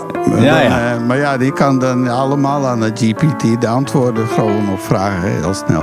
hey jongens, heel snel. We hebben nog een ene minuut. eh, nog minder dan. Even nog snel een groet aan de mensen. Ja. Ja, I- een warme groet voor iedereen. Ja, inderdaad. En, en als je nog altijd bezig bent met het eten omdat je gestopt bent, omdat je het niet zo boeiend vond, dan, dan wens ik u de volgende keer nog eens terug te zien of horen of luisteren. Iets in die trend. Oké, lieve mensen. Tot volgende week. was wederom welkom aan deze aflevering van de Praattafel. Kijk op praattafel.be voor de show notes. Tot de volgende.